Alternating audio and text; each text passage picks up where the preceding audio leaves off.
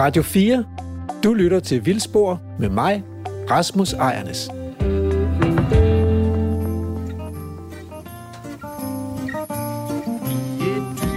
blot som himlen mellem tang og fiske Vrimlen rejse nord og syd, øst, vest Her på ryggen af min søhest ride i den både verden Hale tusind hov, hvor er den?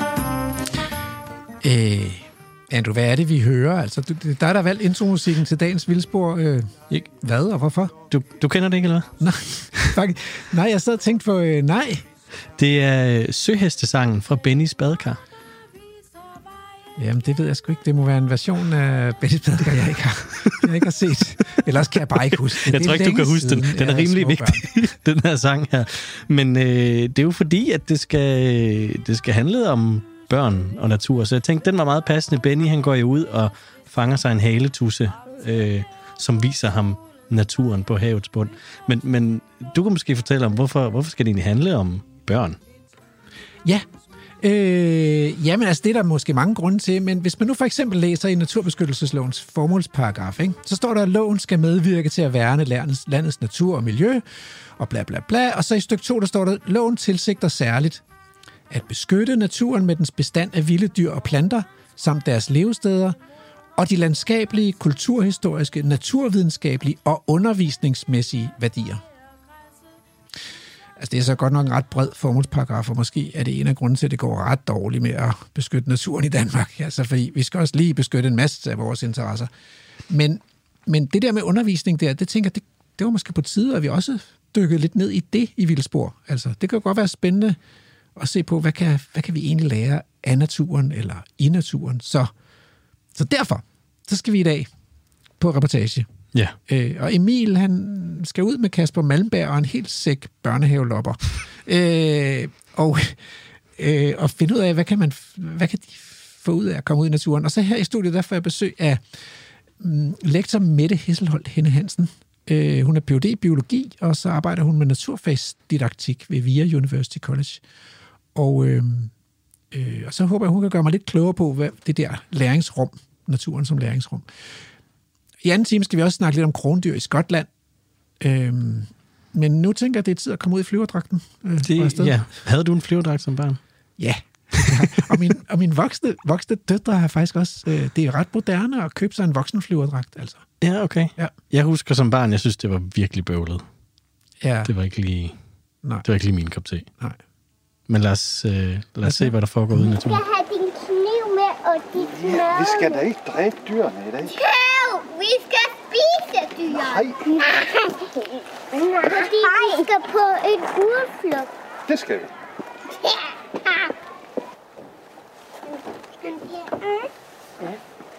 Og det, hvad, der, hvad tager det? Hvordan er det kvarters tid? I børneskridt og børnehastighed. Jeg kan godt gå. Er I klar, banditter? Ja, ja. Så futter vi. Det er mig, der er Lærke Sofie Gleup, og lige nu er du på reportage med mig og Emil Skovgaard Brandtoft. Og så bliver en tøj også vores. Ja. Der får du svamp Det er det. Nogen har fundet en svamp. Men kan I se, hvad det er for nogen? Se. Nej, vi har næsten heller ikke kigget på svampe i år. Det er ikke den, der kan klistre i panden, nej. Men det er en fluesvamp. Og så bliver den helt rød hernede, så den hedder rødmende fluesvamp. Prøv at se, der er mange derovre. Prøv at se. Der er der er flere af dem. Der er Bare pille løs. De er ikke så giftige. En baby. Der er en baby, ja. Er Der er en lille en, og så... Her, skal vi prøve at holde den her? Ja. Jeg holdt den der. Og lige få den tilbage igen. Min til jeg også røg på den. Og lige få den tilbage. Helt rød, og så har de sådan et slør her på stokken. Det har de fleste fluesvampe. Og så har de pletter op på hatten. er begyndt at blive rød. Sejt. Og min er også begyndt der. at blive rød ovenpå. Kan Ja, man ovenpå. godt spise det? Nej, man skal ikke spise dem. Bare, man må gerne plukke dem og kigge på dem og pille ved dem. Men ikke spise. Kan du se den? Mads. Ja, de nok Kan han gøre? Jeg, kan Ja, det ligner den, man kan stege ind i køkkenet, men det er det ikke. Man må ikke spise det. Så bliver man syg. Ja. For det er giftigt. Ja, det er de. Prøv lige at Ikke, de er ikke så giftige rødmende fluesvamp. Men det er en fluesvamp, som man skal passe rigtig meget på alligevel. Vi gå? Ja, lad os gå ned til søen. Jamen, der er nok nogle flere hernede. Kasper, Ja. Kommer I med, unger? der er noget her. Ja, det er også en rødmende fluesvamp. Ikke søg, kom. Wow. Må jeg billede nu? Er det smukt, hvad jeg siger? Hvad siger du? Ja, I må gerne slippe. Og I må gerne løbe ned til søen. Men det er forbudt at falde i vandet.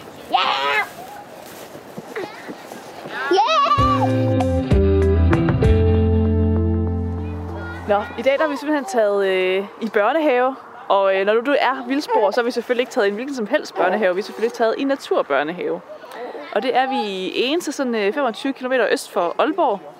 Og øh, vi er simpelthen allerede øh, taget ud i naturen. Vi er gået ned til en, øh, et rigtig fint lille vandhul. Og børnene er allerede kastet sig over øh, ketcher og net og hvide bakker og er i gang med at, at finde en masse dyr. Så det er spændende at se, hvad, øh, hvad vi får ud af dagen her sammen med den her flok unger. Der er i hvert fald fuld gang i den. Ungerne de er allerede nede med, med nettene nede i vandet. Og der bliver, lige nu ser det ud som om, der mest bliver fanget mudder. Men der kan også gemme sig alle mulige sjove ting i det. Det er fantastisk at have sådan et, øh, et helt eftersøgningshold her. Sådan en børnehave på tur. Der bliver garanteret fundet en masse spændende ting. Og på gåturen herover, op fra børnehaven herover til den lille sø, der har vi jo fundet afskillige svampe og æderkopper og mariehøns og alt muligt andet. Nogle gode øjne, der sidder på de her unger her. Men øh, Kasper, nu har vi jo øh, været øh, på gåtur ned til søen, og nu står vi her ved søen, og vi har allerede snakket lidt om de dyr, der er hernede. Vi har slet ikke øh, fået præsenteret dig. Nå nej, det er fordi det ikke er så vigtigt. Du hedder, øh, du hedder øh, Kasper Malmberg, Ja, og øh, så vil jeg egentlig overlade ordet til dig selv. Så du et par ord på, hvem du er. Jeg, jeg er pædagog herude i Ense øh, og bor i nabobyen næsten Gudumholm og har været pædagog siden 2001 med et lille afbræk som mølbrygger på en tre år, fordi fire år, fordi det skulle prøves.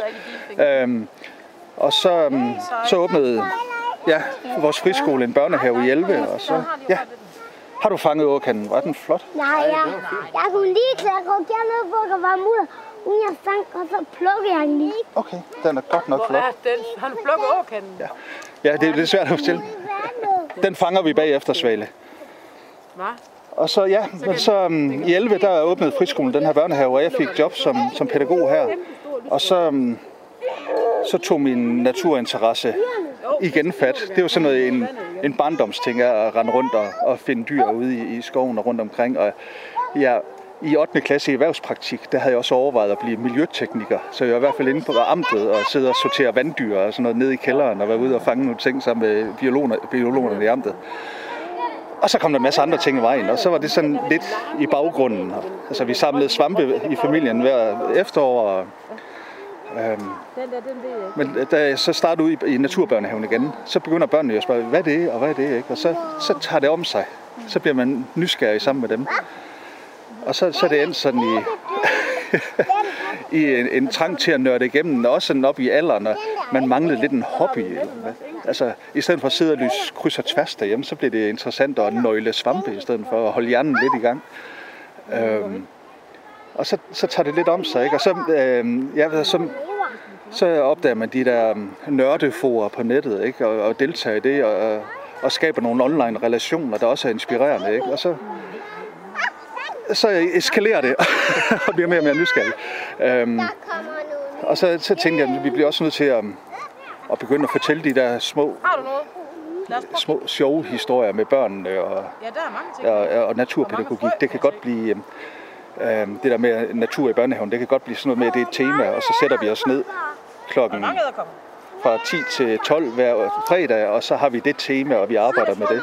Men i stedet for at at arbejde det ind i hele dagligdagen, så det simpelthen bare bliver en kæmpe stor del af, af vores dagligdag.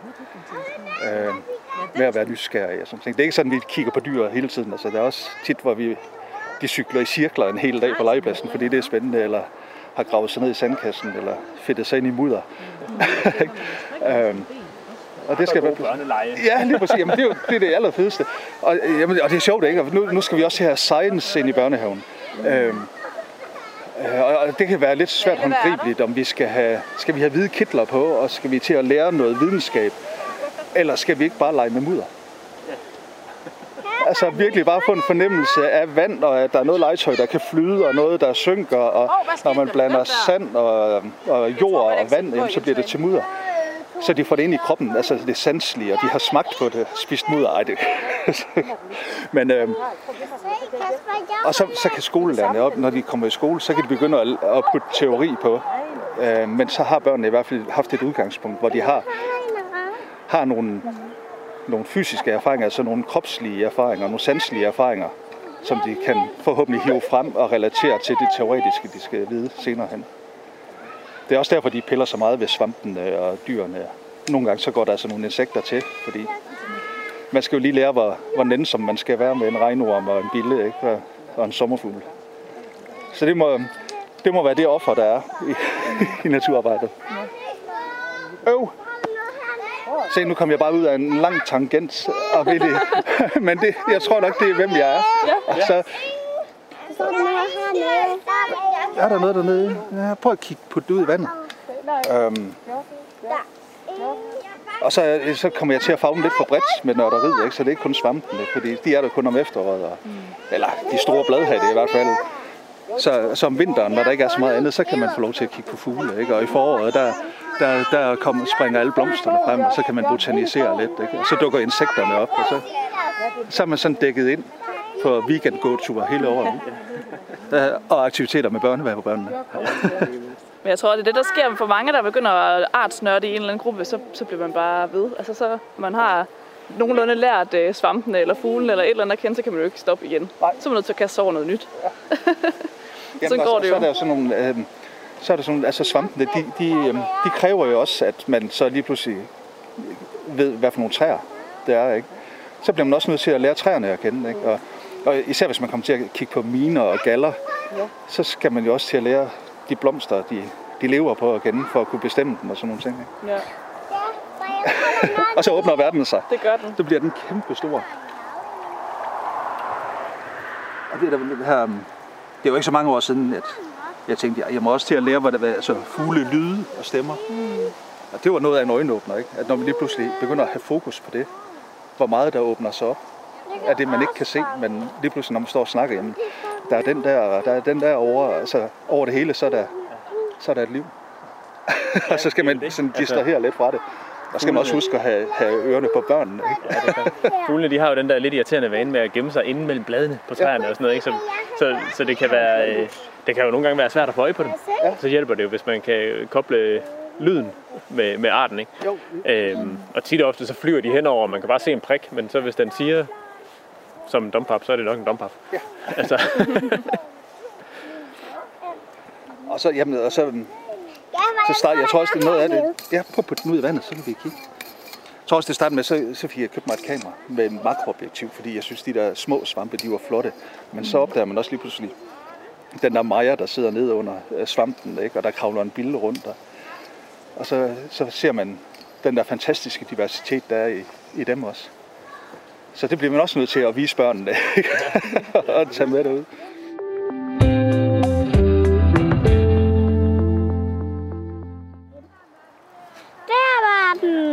Der var der et eller andet. Det var bilen. Åh, oh, oh. Det er der. det er vandrøveren.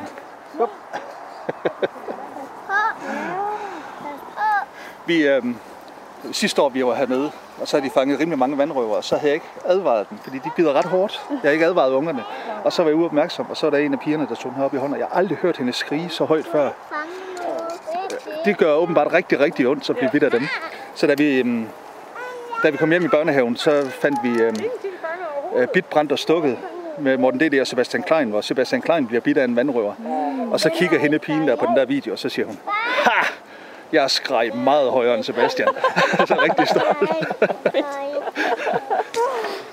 ja, men det er jo virkelig, altså de kan, de kan virkelig byde til. Jeg har heldigvis aldrig selv haft fingrene i det, men jeg har, jeg har også stået ved siden af folk, der er blevet bidt af sådan en der. Det, det, lægger man mærke til. Det hører man, Ja. når folk bliver bidt af den. Så for forskrækkelsen oveni, så det ikke kun er selve bidet, men også, at man ikke lige troede, at det skete. Ja, men den, altså, den, Den ser ser, den ser jo ikke så, så hissig ud, sådan en, øh, sådan en vandrøver der. Men øh, når man så står med sådan en fin lille sort bille i hånden og tænker, nå, den er da sikkert meget sød, og nogle af de andre, der ligner, de er jo meget fredelige, ikke? Så lige pludselig så hugger den bare øh, kæberne i fingeren på en. Au. Vi, øhm, vi prøver jo også at være sådan rimelig rolige med de der billeder, og ikke være bange for dem, eller det er ulækkert og farligt. Men øh, vi sad med en stor vipsæderkop forleden i sådan et, øh, et lille rør og kiggede på den. Der var nogle af børnene, der var sådan lidt. Og så åbnede jeg røret og pjattede sådan lidt, er der nogen, der vil holde den i hånden? Og nej, det ville de helst ikke. Og så sidder jeg og snakker med dem, og så kravler den ud på hånden af mig, og jeg bliver så forskrækket. at jeg siger, og den æderkop, den flyver sådan op og lander lige i vores slagnet igen, hvor vi havde hævet den op fra, heldigvis. Og ikke i håret på Men, en af øh, ungerne. nej. Men øh, så kommer man helt ubevidst til lige at... Ja, men hvis det pludselig kribler, og man ikke lige helt Ja, opmærksom, så, så giver det da et sæt i en. Det gør det. det. Ja, i øvrigt jo en fantastisk art, websæderkop. Ja. Ja, det er også, vi har den oppe bag i børnehaven. Den Så den er, det er et fast ting hvert år, det er, at vi skal på vipsæder og gå på jagt. Bare fordi den er, den er, den er for lækker. Den er Ja. for stor og for flot Ja. til at kunne lade være i fred. Hvad har du fanget? Til noget. Skal vi prøve at lægge, lægge det her ud i? Hov, ja.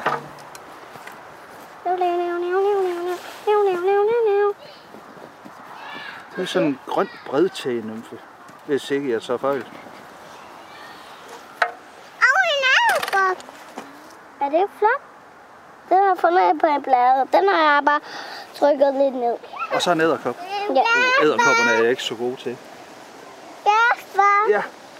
Hvad har du fundet? Det var ikke rigtigt. Oh. Ja, der var to af dem der igen. Prøv at smide dem over i vandbaljen derovre. Men den er virkelig flot. Den er nemlig virkelig flot. Må jeg, Må jeg holde den? Ja. Det er jo fantastisk at se sådan en, øh, en lille her af små unger med, med net, der render rundt og, og catcher i vegetationen og roder rundt nede i, øh, nede i søen efter alt muligt. Hvad bliver der fundet her? Tak, Svale. Det var den, vi mistede for en måned siden. Nå, det er et lille Godt glas fundet. Til, øh, til dyrene. Ja. Men den er på skidt. Ja, vi skyller den lige. Det var godt, du fandt den. Ja, det er sådan et af de her um, skueglas, eller hvad hedder sådan noget? Man kan, når man putter... Den er, I kan jo ikke se det i radioen, men den er flad og gennemsigtig på begge sider.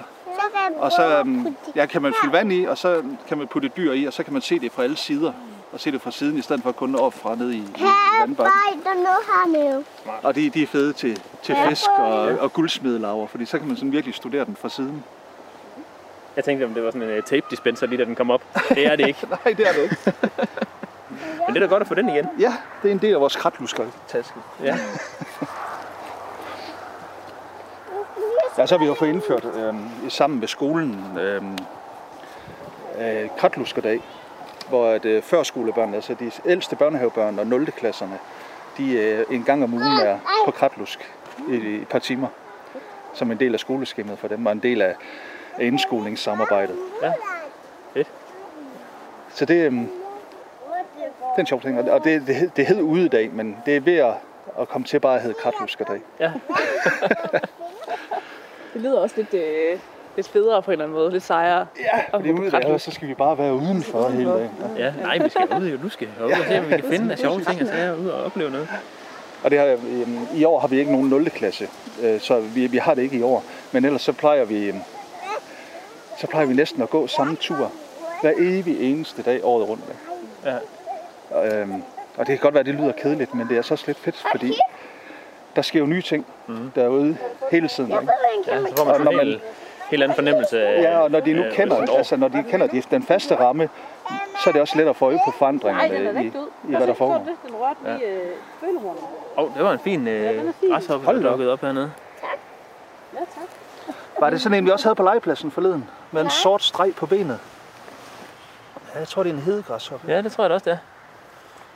Nå, det er da Den faktisk det er sådan en halvgod Den er art. grøn. Jamen, det er, lidt, der er også lidt øh, dværgbunke og sådan noget herovre. Er det flot? Jo, den er Ja, men det ser fint ud. Det er græshoppe.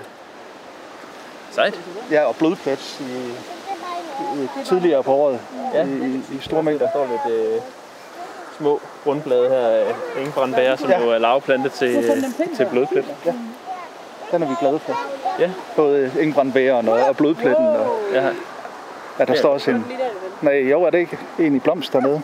Ingebrandværen. jo. Ja, det er det. Og derovre også. Det er jo dem, der især her om efteråret, det er dem, man går hen til for at lede efter dyr i. Har du den igen? Fordi Ja. der er stadigvæk er nektar til. Det bliver, det bliver tit sådan, at når man, altså, når man sådan er færdes meget ude og går på jagt efter smådyr og sådan noget, ikke? Så, så får man sådan helt automatisk scanner nærmest, der ligesom scanner et område. Og derovre står blomsterne. Dem skal vi over og kigge på. Man lærer ret hurtigt at afkode sådan et landskab og se, hvor er der noget at gå på jagt efter. Og ungerne, de tog jo også selv slagnettet og gik over derover i det lidt åbne, i det lidt høje græs derovre, ikke? hvor der måske også står lidt blomster inde bagved. Ikke? Og, og så er det der, de går hen på jagt. Ja. I Men stedet det, er for også, at... det, det er fordi, det er der Ja. livet er. Men det er også oppe i børnehaven, der vi har, vi har den store slåede plæne. Ikke? Ja. Fordi der, der, det er sportspladsen, og det, der, der også bliver holdt byfest og sådan nogle ting. Så, Ja. så den er, den er reserveret til menneskelige behov. Ikke? Ja. Men oppe bag ved fodboldmålene bliver der ikke klippet, og nede ved vores bålhytte, der, der vokser det hele til i krat. Altså vi har kæmpe brumbærkrat, og der vokser egetræer og, og pil og op, og Ja. der begynder at blive huler indeni. Øhm, om bag ved børnehaven, det skal have lov til at være vildt. Så der arbejder vi sådan lidt vild med vilje Ja. i det. Fedt. Og, og det ved børnene, det er jo der, det er der, de søger hen, når de skal gå på opdagelse. Lige for. Det har de lært. Det har De har de også lært at scanne sådan et landskab og se, hvor er, hvor er det værd at bruge tid, hvis man gerne vil finde dyr. Ja, Har du fundet den her? og så er det sjovt at se sådan en treårig der med et, et fire gange så stort slagnet ja. håndtere den. Ikke? Har du fundet noget? Inspireret af, af vild med vilje debatter og give plads til naturen og også rewilding-debatterne, så er jeg kommet sådan mere og mere til at tænke på det der med, at egentlig så bør vi også genvilde børnelivet. Vi bliver nødt til at, i stedet for at, um, at sætte nyttetanker op allerede i, nede i vuggestuen eller børnehaven, om at børn de skal kunne det og det og det og det, og næsten, det er jo lige før, at de skal lære øh, alfabetet eller tallene i vuggestuen, ikke? og der er et mål for, at man skal det. Jamen, så, så genvild den lidt, skabe nogle rammer, hvor man kan være, være barn inden for at udvikle sig, som man nu gør. Ikke? Ja. Men det skal ikke være sådan fuldstændig fluernes herre sluppet fri. Ikke? Altså, så der skal jo være nogle voksne med også til at, at, at sætte rammerne og at sætte nogle normer for, hvordan man er sammen og, og hjælpe dem, som har brug for hjælp. Ikke? Har du fanget en masse penge? Men, øh, men øh, fjerne sig lidt fra, fra nyttiggørelsen Ja. øh, og, og se og, og gøre den til, til hele mennesker, i stedet for at gøre den til et, et samfundsnyttigt produkt ikke? ude i fremtiden. Ja, Men det er og nogle- Det, lyd, det går helt ondt, at børn skal være et samfundsnyttigt produkt. Altså, øh, det er måske også karikeret en lille smule, men... Øh, Det er meget karikeret, ikke? Men, øh, og det er lidt for at provokere, men det er også lidt for at, altså, det der med at, at, at, at slippe fri og give plads i sådan en dag her. For eksempel herude, ikke? Ja! Det var en sjov lugt. Prøv lige at komme herover med den, det kunne jeg godt tænke mig at lugte. Lugter af pebermynte, var det det, der blev Ja. Sejt. Jeg har aldrig duftet til en, en åkande. Nej. Så Det bliver da spændende. Nu kommer den gående. den lille åkande blomst. må få duft. Ja. Prøv at finde ned i dit lange græs dernede. Ja, hvad søren dufter den der? Ja. Jeg vil prøve her i coronatider at skifte næse. Ja. Ja, den har sådan lidt... Er der Så- sådan lidt tykkegummi-lugt over den? Ja, lidt måske. Den har sådan en... Øh, sådan meget øh, øh, øh, mild, semi-parfumeret-agtig blomsterduft. Den dufter faktisk ret behageligt. Ja, det gør den. Jeg har så meget af det her sømudder på fingrene, at jeg lugter bare sådan af, af bundslam. hey, du har fanget et ordentligt dyr nu, Mads Peter. Det var noget af en fangst. Han har fanget min kollegas hoved med slagnettet. Men det er da ret inspirerende, Kasper, hvordan øh, I kan bruge de der rewilding og vild med vilje-tankegange sådan lidt øh, på en anden måde, eller sådan tage det lidt ud i noget andet, altså fordi det giver mening i mange aspekter, at hvorfor skal det være så firkantet det hele, ja. på en eller anden måde, ikke? Altså, og det, det, var, det var jo lidt provokerende, altså, og, og, og, og groft øh, tænkt, ikke? Men, altså, men der er bare nogle tendenser til det, ikke? Altså, lidt ligesom... Er ligesom, da der kom en rapport om, at øh, folkeskolereformen havde fungeret, havde økonomerne analyseret sig frem til. Ja, men hvad, hvad, med, hvad med eksperterne på børnene, altså lærerne og psykologerne og alle de andre? Vil de komme med samme øh, rapport om, fungerer det? Mm.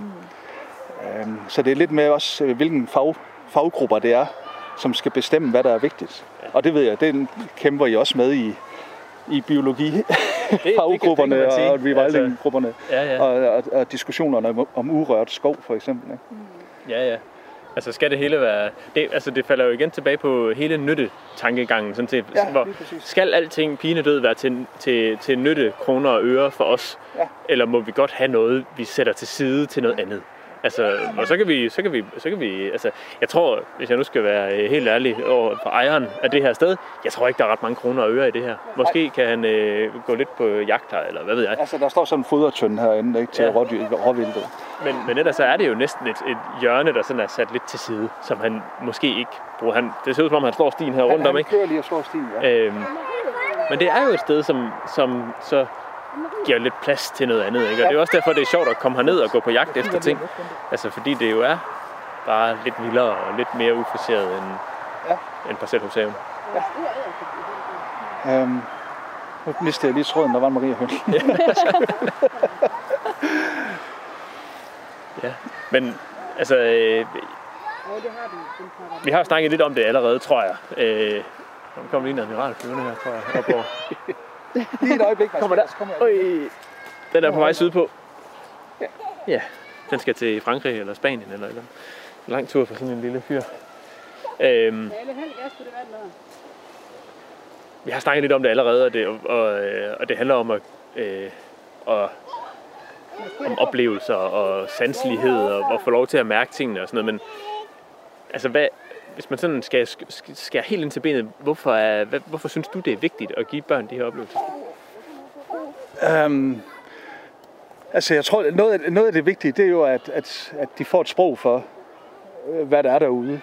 Uh, men um, jeg har det jo også, der, der er tit nogen, der spørger sådan, jamen, øh, kan du ikke mærke på børn, at de er mindre syge og bedre motoriske og sådan noget ting? Og jeg joker altid lidt med, at da jeg gik på seminariet og skrev, øh, skrev opgaver i, i naturfag, så øh, var det jo en, god, en, en stor del af tingene, det var jo at opremse, hvad det var godt for, for børnene. Altså, de blev bedre og stærkere motoriske, og, men dem, der havde musikfag, de havde de samme argumenter for musikken. Ikke? Og, og dem, der havde dansk, eller hvad det nu har været, de havde, eller teater, de havde de samme argumenter. ikke?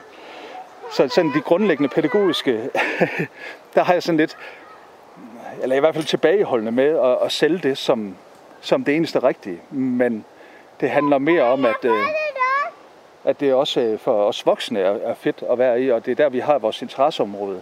Øh, Og det er i det der møde mellem, altså, mellem os og børnene, den der relation, vi har til hinanden om, om noget fælles tredje, som, som er det vigtige. Har du fundet noget? Ja. Okay, jeg kommer lige over og kigger, og så snakker vi videre bagefter. Hvad har du fundet? En æderkop. Uh, det var flot. Og så en Maria Høn. Hvor mange pletter havde den? Det har kun fire. Fire. Og den der, jeg har fundet. Og så en Og den mere. der. Er du slet ikke bange for æderkopperne, Mads? Nej. Det var da godt. Det var kun. Prøv at se Kun. den lille en der. Ja. Kasper. Er du grætte? Han har kommet lidt ud på fingrene der. Jeg ser det helt Men altså, det er jo en, det er jo en del af, af, af de der læreplaner, vi skal leve op til. Så ligesom sprog og motorisk udvikling og ja, alle de andre punkter, der er i sådan en, en, en der skal opfyldes i en daginstitution. Øhm, og så har vi så valgt, at jamen, det, er en, det er bare en del af dagligdagen, som jeg også sagde før, i stedet for det er, er sådan noget, vi så har en måned om året eller et eller andet. Så er det, og så er det bare, det er, det er lidt mere stille og roligt her. Altså nu er der nogen, der er rendt ind i skoven og er i gang med at blive væk. Heldigvis er min kollega derovre, ikke? Og der er en, der står og nørkler med nettet endnu, ikke? Og der er en, der står med slagnettet sammen med sin veninde og, og er lidt nysgerrig bare for sig selv. Ikke? At det er sådan, der, der er lidt mere ro på os for os voksne. Altså vi kunne godt sætte os ned her og bare være nærværende sammen med børnene. Og bare se, hvad de kommer med, og, og samtale om, om det, de har fundet. Ja.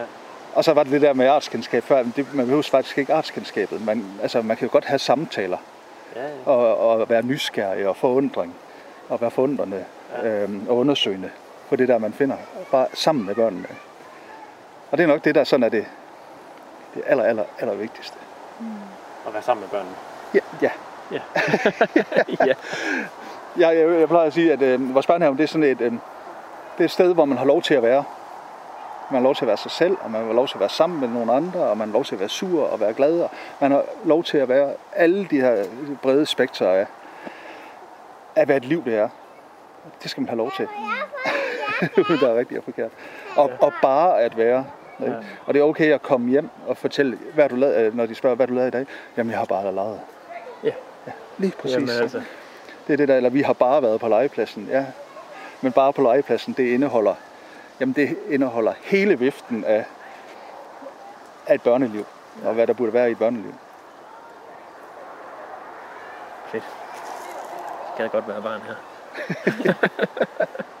Du lytter til Radio 4.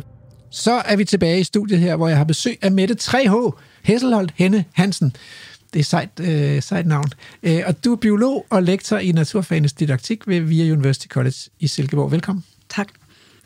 Øh, se, dig kender jeg faktisk primært fra Facebook, må jeg indrømme, øh, hvor du næsten altid optræder som en af de klogeste stemmer i debatterne. Altid reflekteret, velargumenteret og lyttende. Og hvis ikke det er sådan for tungt et forventningspres at lægge på dine skuldre, øh, så vil jeg nu spørge dig, øh, om den der læring, som Kasper også kommer ind på i, i reportagen her, øh, hvad er egentlig formålet med at lære om naturen, øh, og måske endda gøre det ude i naturen?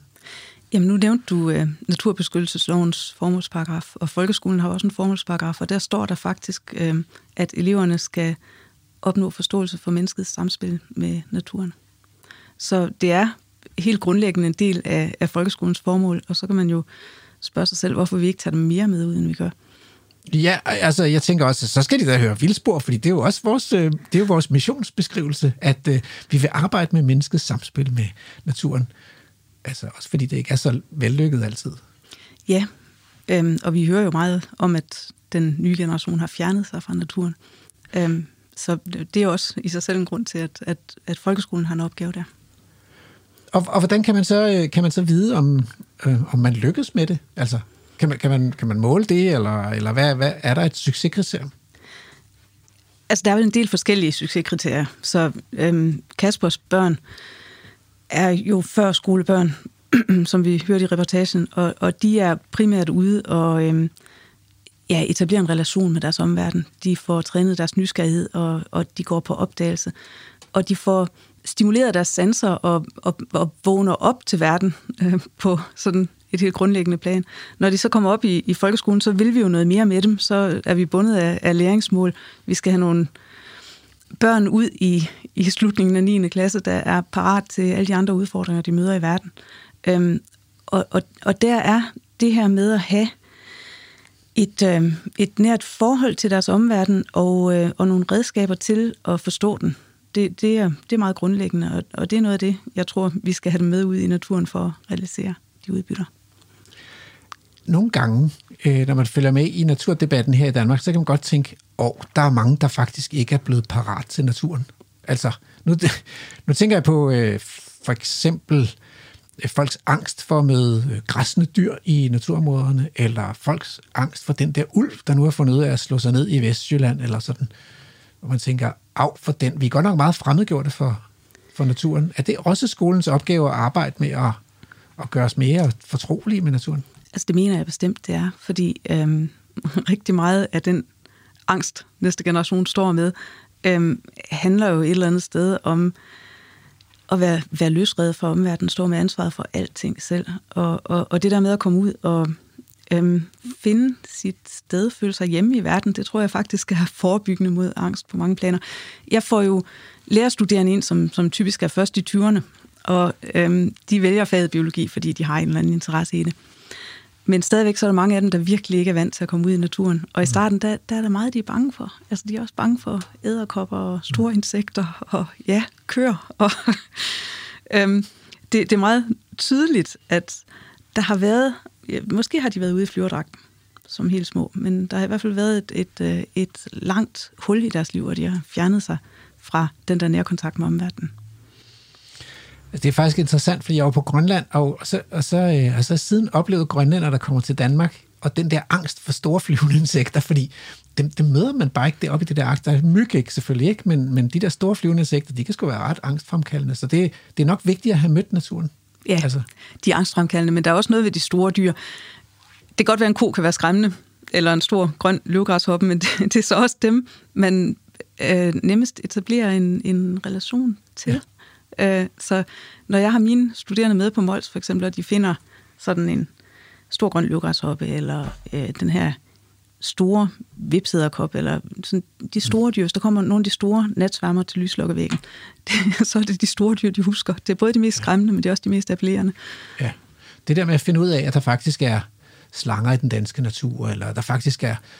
Min datter fortalte, at hun, hun, hendes veninder havde grinet hende ud, fordi hun en dag pegede op i luften og sagde, se, der er flagermus, hvor de så havde slået en skraldlat op. Ah, der er ikke flagermus i Danmark. Altså, det er jo sådan nogle store blodsugende sataner, der lever i tropiske lande, ikke? Så, så der er faktisk ting, det er meget godt at opdage og spændende at opdage. Ja. I en vild natur. Og det er jo faktisk også øh, altså noget af det mest taknemmelige, hvis man lige kommer over den der barriere, der er, hvor, hvor naturen bare virker skræmmende og fjendtlig, fordi man ikke er vant til at færdes i den, så er det også et af de læringsrum, som du sagde tidligere, som der ligger de allerstørste potentielle udbytter i. Mm. Altså, så, så hvis det er rigtigt nok, at, at børn skal også ud i naturen for at kunne blive ambassadør for naturen sidenhen, i stedet for at være bange for den, øhm, er ungdommen i dag så dårligere ambassadører end tidligere generationer, fordi de har siddet mere inden for at, at, at, at spille computerspil og sådan noget. Kan man sige det? Jeg, jeg ved ikke rigtigt, vi snakker meget om de iPads der, ja.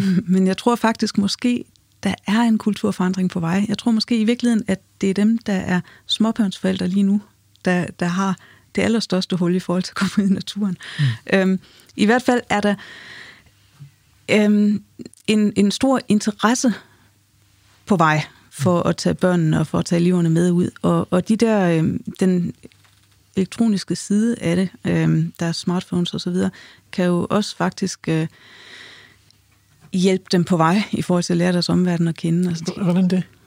Ja, der er jo apps, der kan hjælpe en til at, at få sat navn på arterne, og, og man ja. kan også bare tage billeder af det, man finder, og så spørge bagefter, hvad det var, man fandt, i stedet for, at man står... Spørg, altså spørg hvem? Øhm, de sociale medier. Ja. Øh, for den sags skyld også ens lærer. Altså i forhold til øh, det med at tage elever ud, og så tage dem med tilbage i klassen, og så få koblet det, man faktisk har mødt ude i omverdenen, med det, man øh, ser på fagportalerne, lærebøgerne, og det, man skal arbejde videre med bagefter. Så har, har der jo været sådan det her billede af, af en folkeskoleklasse med drivvåde kopiagter, der flyver rundt i mosen, mens de prøver at fange vandinsekter. Øhm, der, der er smartphones og iPads faktisk også bare bedre redskaber til at tage noget med tilbage og sikre den der kobling mellem ude- og indrum. Man kan også sige, det er nemmere at have en afkrydsningsliste, hvis man er i Danmarks Akvarium, fordi man ved, hvad der er i akvarierne. Øh, det er lidt svært hvis, at lave en afkrydsningsliste på forhånd til en ekskursion i naturen. Ja, og så giver det faktisk også øhm, lærerne nogle nye muligheder, fordi det er også et stort ansvar at lægge over på øhm, lærernes skuldre, hvis de synes, de skal kunne, kunne svare eleverne på, hvad er det med alle de øh, 35.000 arter, de kunne risikere ja. at finde derude. Ja. For, fordi det kan vi godt sige, at i sidste uge, der havde vi Danmarksmestrene i Vildsborg, og de, de er nået over 8.000 arter. Og det er, som de selv konstaterede, jo altså kun altså en femtedel af, af de arter, man kan finde i dansk natur. Men det er jo også det fantastiske. Altså næsten uanset... Øhm, hver eneste år, når jeg har et nyt hold lærerstuderende, og jeg tager det med ud i naturen, så finder vi et eller andet, jeg ikke har set før. Ja. Hvis jeg tænker tilbage på min skolegang, så var det kedeligste, det absolut kedeligste, det var, den, at man altid skulle reproducere noget. Man fik en bog, der var øh, seks andre årgange, eller ti andre årgange, der havde haft før en, og man kunne se, deres navne stod på omslaget der.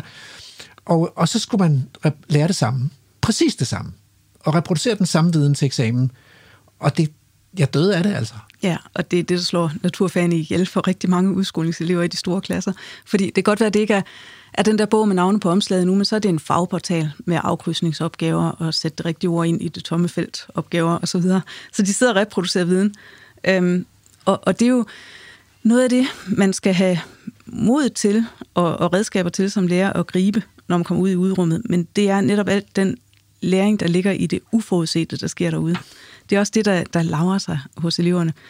Vi snakker om forskellige måder at danne erindringer på, og, og, og den der, det, der hedder den episodiske hukommelsesdannelse, der hvor man husker ting, der skete. Ej, dengang vi gik rundt om Lillesø, og så var nogen, der råbte hugorm, og så fandt vi ud af, at det i virkeligheden var en stålorm, og det var faktisk et firbiner. Og så tissede den på læreren, da hun samlede den op. Det virker. ja, det virker. Det Ja. bliver ikke glemt igen. Nej, det er fedt. Øh, men jo også ret skræmmende, for, hvis man er lærer, fordi man ikke på forhånd kan planlægge sin undervisning i alle detaljer. Så hvis man er kontrolfreak, så er det der med at tage ud i naturen øh, pænt skræmmende, ikke? Eller hvad? Det må du da også møde. Ja, det kræver nogle andre klasseledelsesværktøjer, kan man sige, end hvis man sidder inde på faste pladser i lokalet, men man får også øh, mange flere elever med, potentielt i hvert fald.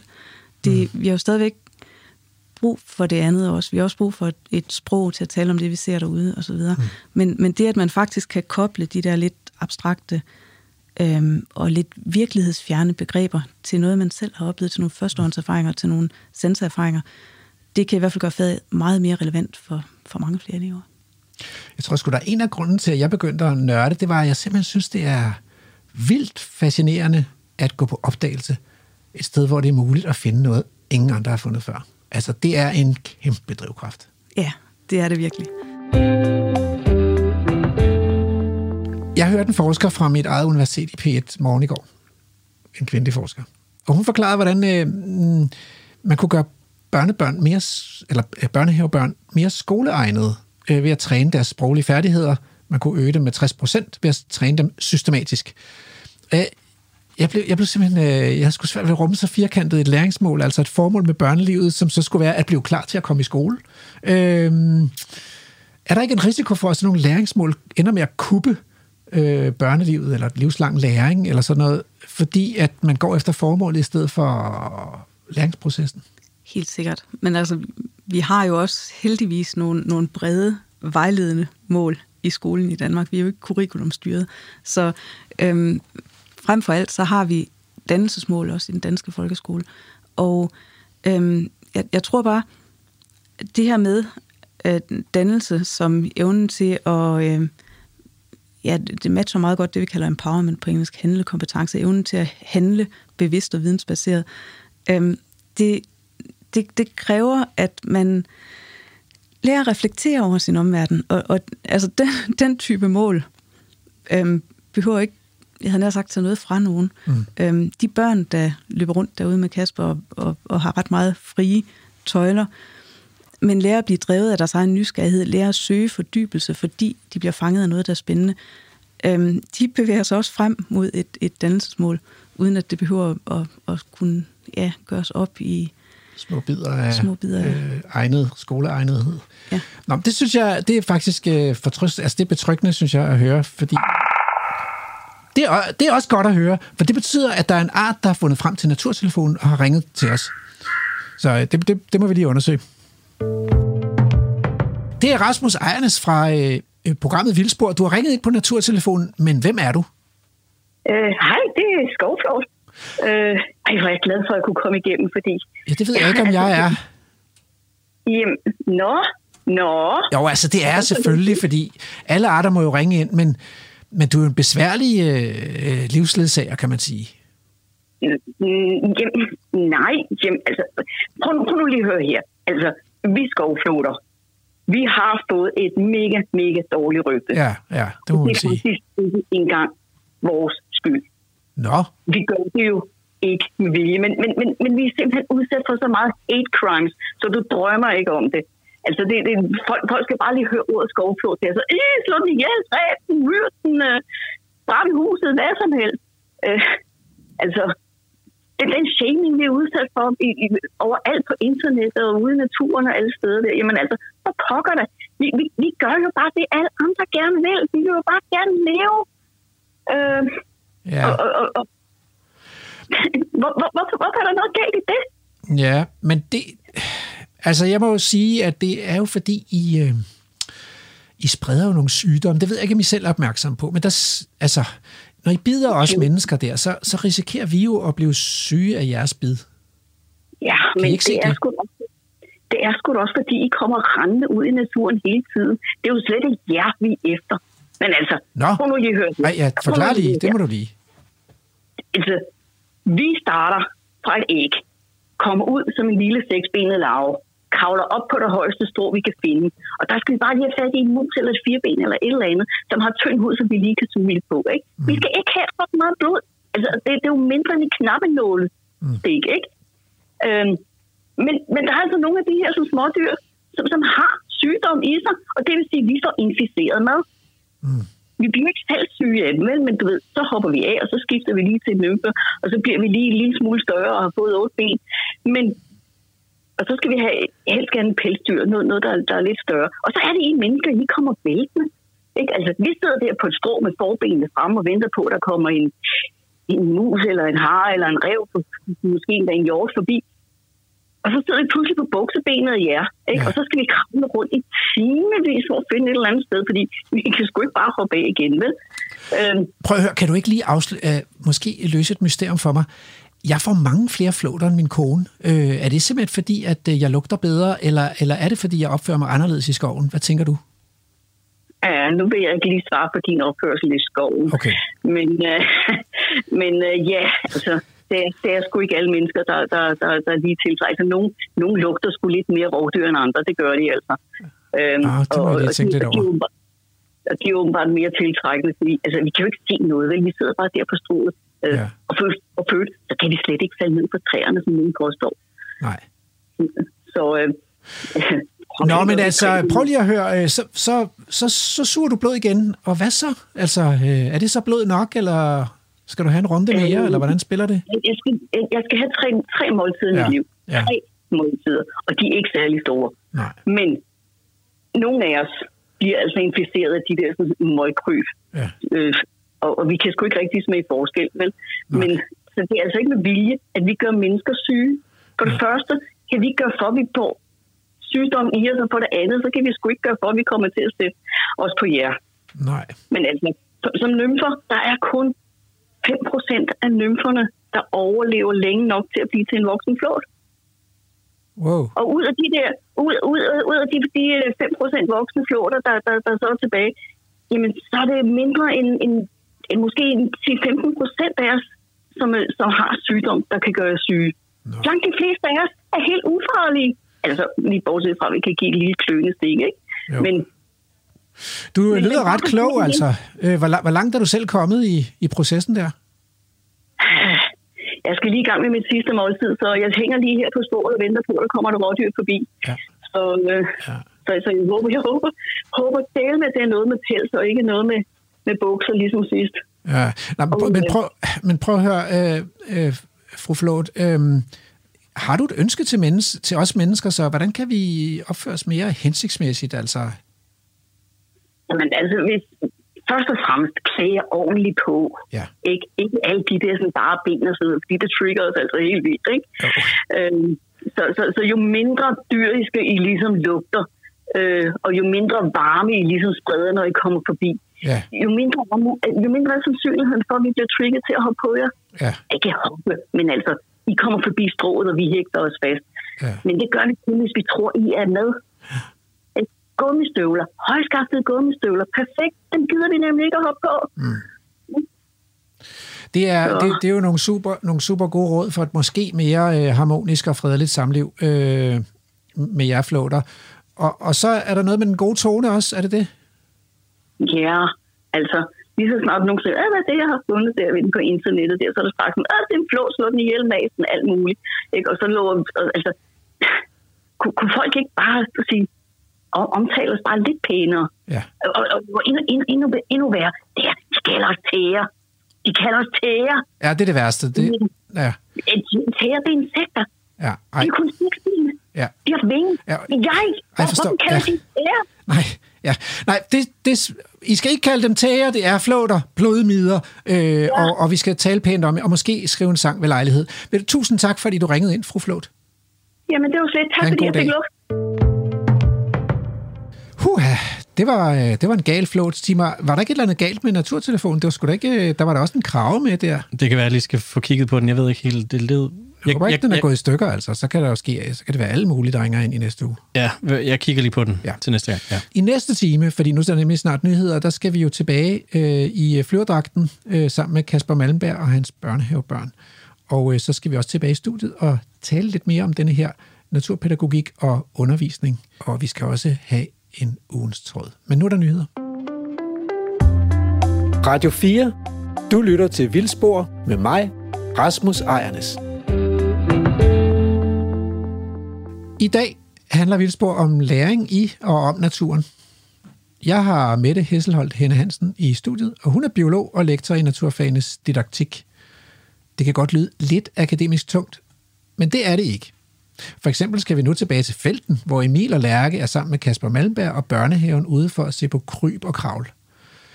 Og øh, faktisk, Andrew, så ville jeg have ønsket, at jeg havde været lige så tålmodig som Kasper, dengang mine børn var små.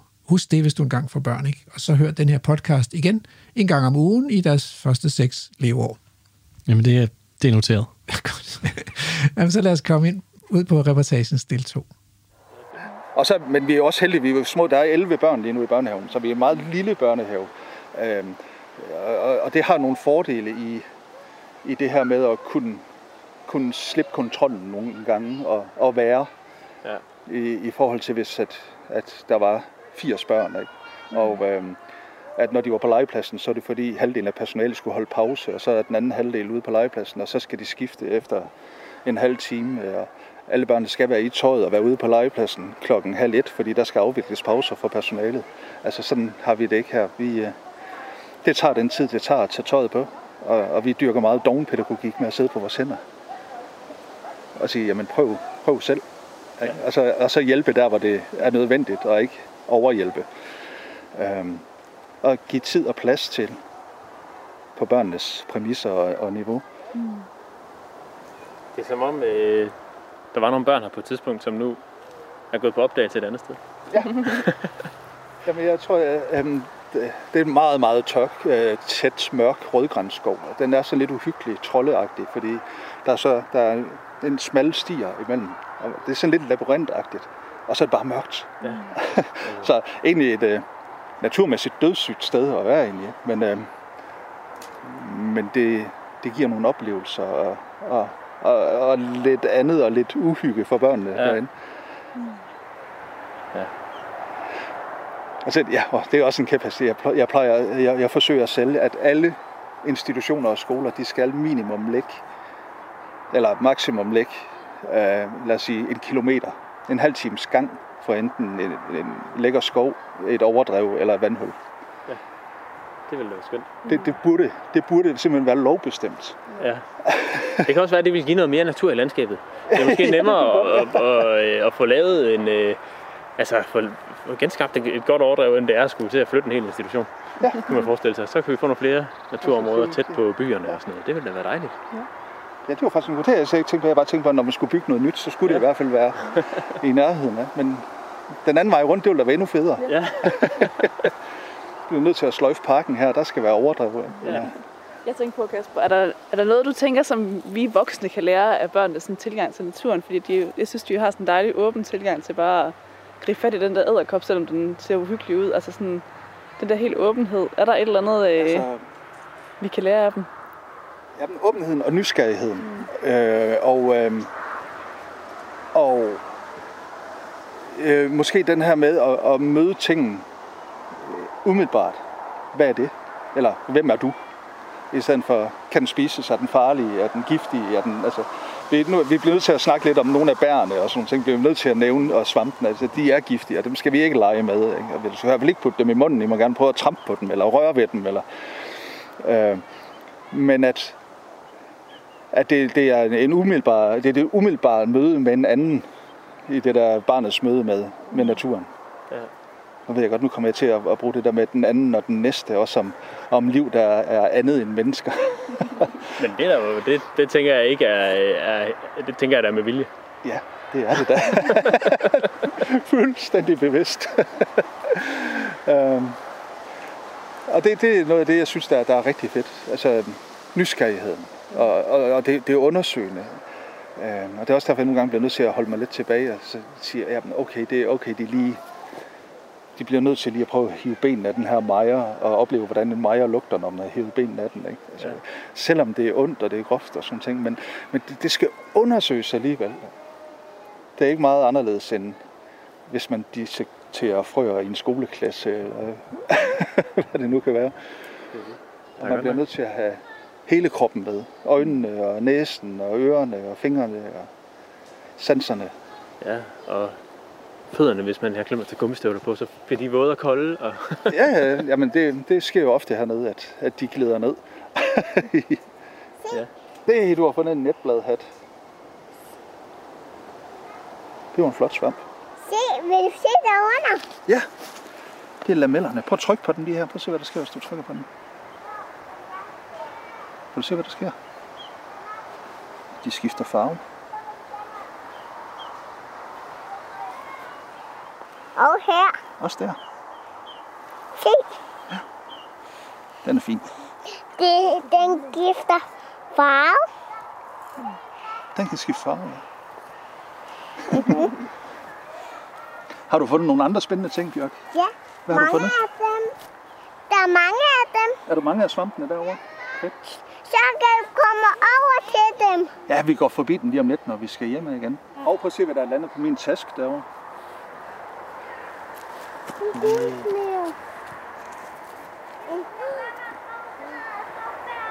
Nu røg den væk.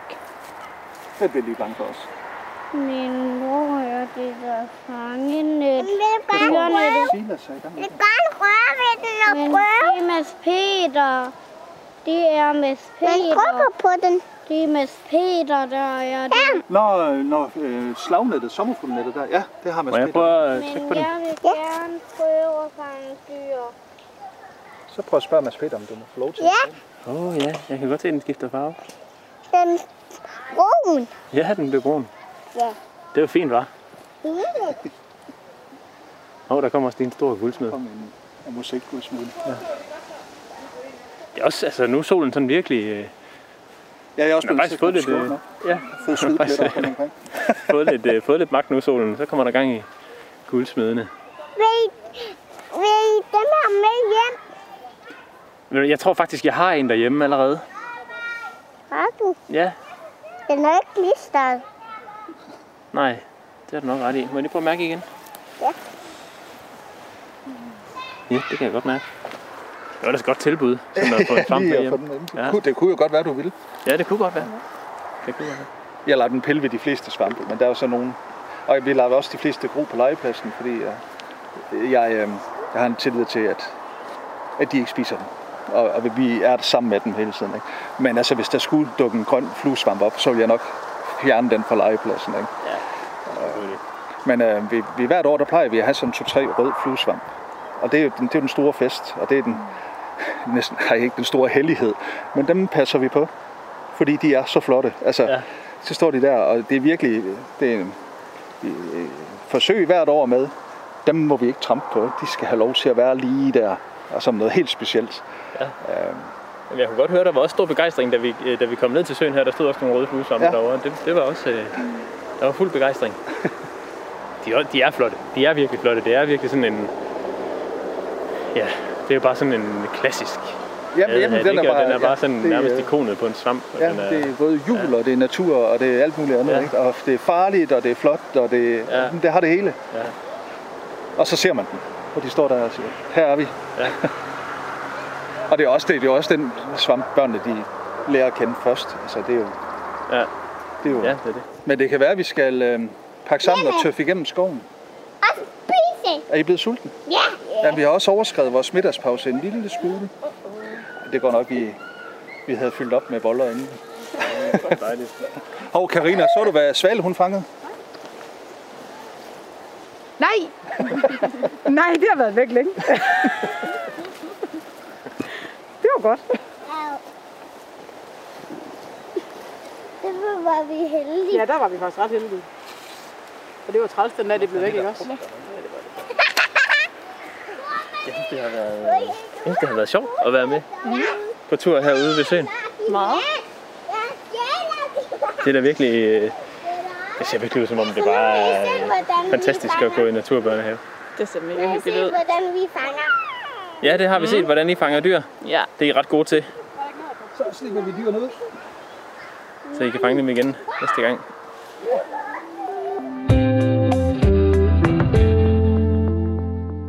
På tur, Kasper, der... Øh... Øj, det var også en sej bil, der.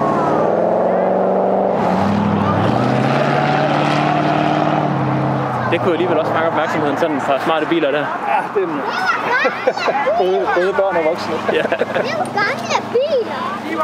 ja. Det var gamle biler, ikke også? Men inden vi tog på tur, Kasper, der gik vi lige, øh, der gik vi lige rundt inde i, i børnehaven kort, og du viste os, øh, du viste os jeres pupper af nogle af de store, øh, de store, øh, ja, ja, både store og små øh, natsværmere, eller hvad vi skal ja. kalde dem, ikke? Øhm, hvordan, hvordan bruger I sådan nogle ting i dagligdagen? Altså det der med at samle larver og...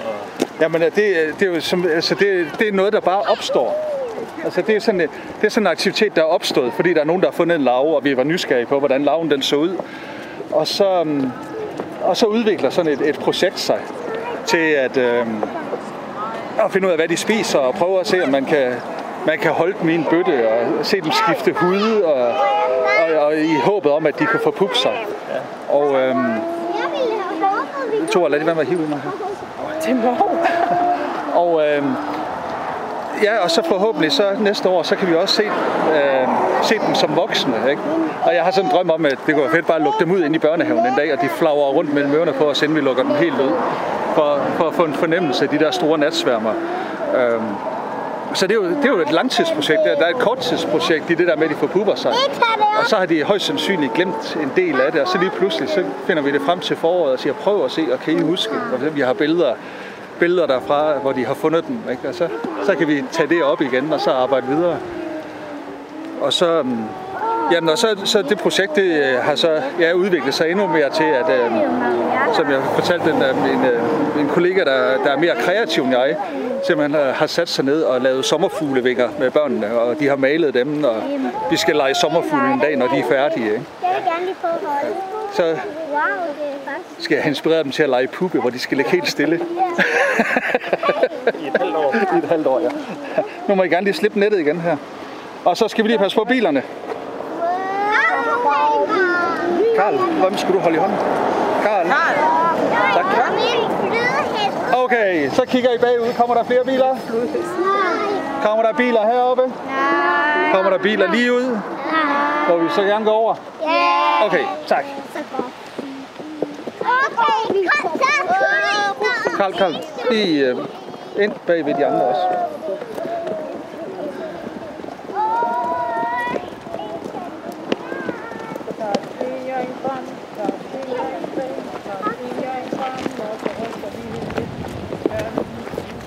Ja, og så havde vi vores... Øh,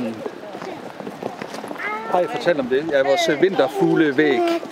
Vi snakkede lidt om, om det der med fodring af fuglene om vinteren. Øhm, og så er det så med at få hængt, hængt, øh, hængt billeder og navne op på væggen af de fugle, vi ser derude. Og vi har haft sådan nogle lege med, at børnene de, øh, satte et lille stykke elefantsnot, lærtyggegummi, hver gang de så en af fuglene. Så havde vi sådan lidt fugletælling, bare med pletter på billederne. Ikke? Øhm, og så er navnene der på, både for min kollegaers skyld og forældrenes skyld, til de her samtaler, når de kommer. Ja. Så når øh, ungerne kommer hjem og siger, vi har set en spætmejse i dag, så har forældrene også lige en chance for at vide, hvad en spætmejse er. Nemlig, ja. ja. det er jo et godt udgangspunkt for samtalen ja. derhjemme, tænker Og jeg. det er lidt sjovt, fordi vi, øh, vi havde en pige, der startede her i, øh, midt under corona, startede hun børnehaven, hvor hun blev tre år og startede i børnehave. Og, øh, og hun, der, vi har jo været meget ude under den her coronakrise, og vi har krablusket rigtig meget, også bare på legepladsen og fundet dyr. Um, og moren fortalte, at nu, når de er ude og gå en tur, jamen, hun skal jo stoppe og, og samle hver eneste bænkebider op, og spørge moren, jamen, hvad er det, mor? Og, og hvad er det, mor? Og, og så siger moren, det ved jeg jo ikke. Og så siger jeg, det ved jeg ikke. Og så kigger hun på mig og siger, jeg tror, det er en løbebille. og sådan, da jeg snakkede med moren om det, vi snakkede sådan frem og tilbage om det der, øhm, og, øhm, og der, der gik det sådan lidt op for mig, hvor, hvor, øh, hvor, hvor, hvor lidt vi ved om naturen, ikke? Os voksne, ikke? Øhm, og at, at når et treårigt barn overhaler os i børnehaven, i sin naturviden, ja. øhm, der er nogle gange nogle øhm, artikler eller samtaler omkring, hvordan øh, det, når skolebørn kommer op i 4., 5., 6., 7. klasse, så kan nogle forældre have svært ved at hjælpe dem med lektierne. Fordi at, øh, at det, de skulle kunne lære, det overstiger det, forældrene egentlig kan. Ja. Øhm, det sker allerede, åbenbart allerede i treårsalderen, ikke? Med, med biller. Og det kunne jo være sjovt at lave lidt om på. Det kunne det da. Det da. Så det kan være, når de her engang vokser op og selv bliver forældre, så, øh, så er bundniveauet hos forældrene en lille smule højere. Måske. Øhm, man kan jo håbe, men det, altså, jeg, er egentlig, jeg er egentlig tilfreds nok med, at de, bare, at de, at de har oplevet det. Ja.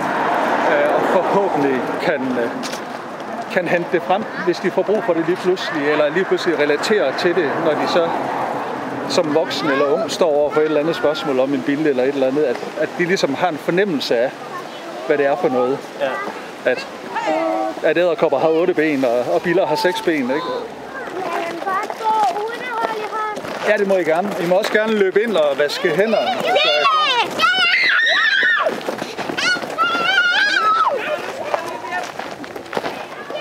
så er børnehavebanden sluppet fri. Ja, det skal jeg love for. Fuld fart på.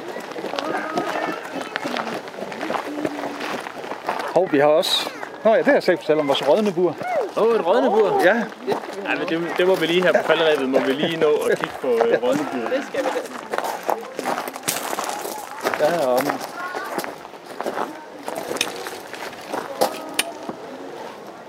Vi tager lige rådneburet. Det er en god idé. Så tager jeg ungerne. Fedt nok. Det er en god fordeling, egentlig.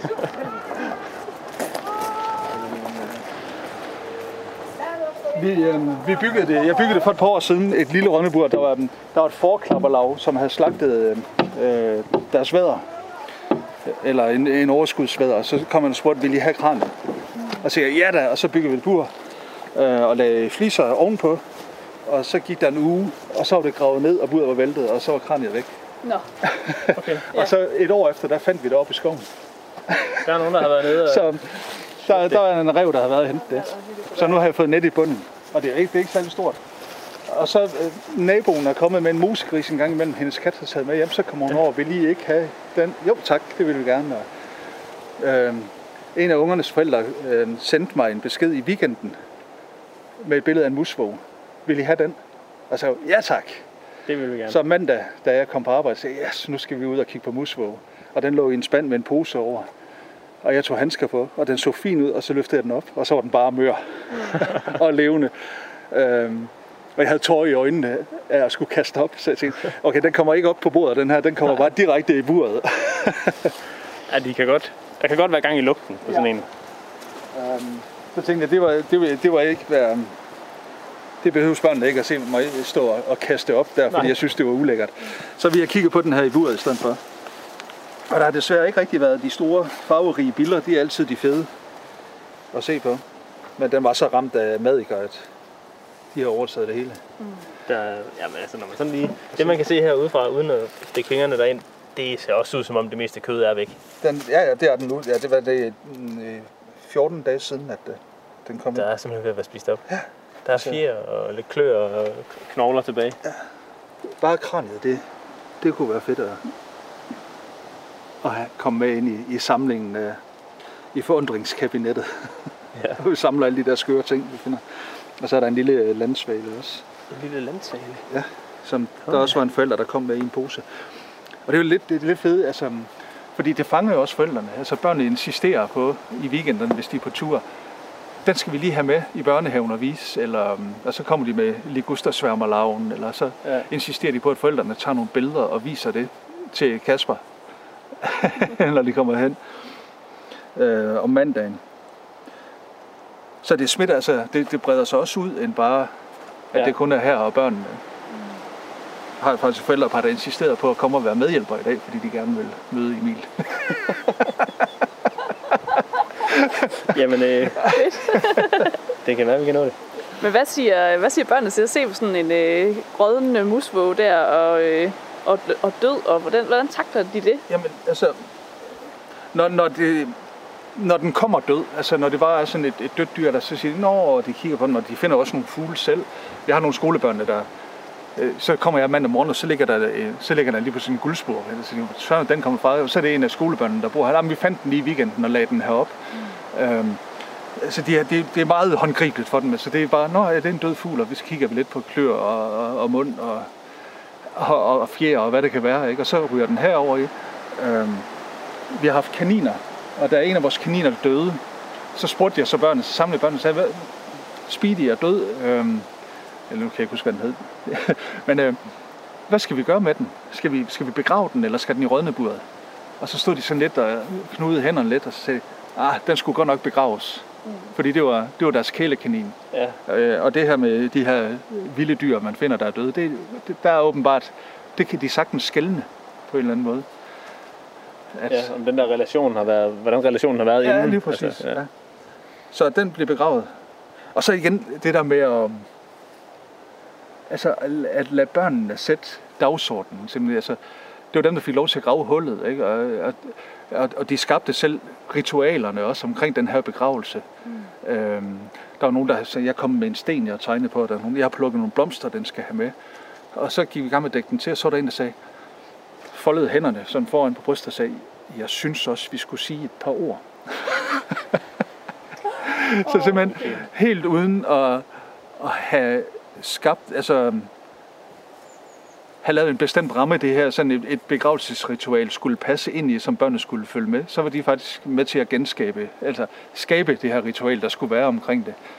Selvfølgelig påvirket af, hvad de ser i fjernsynet og har været med til i familier og sådan noget.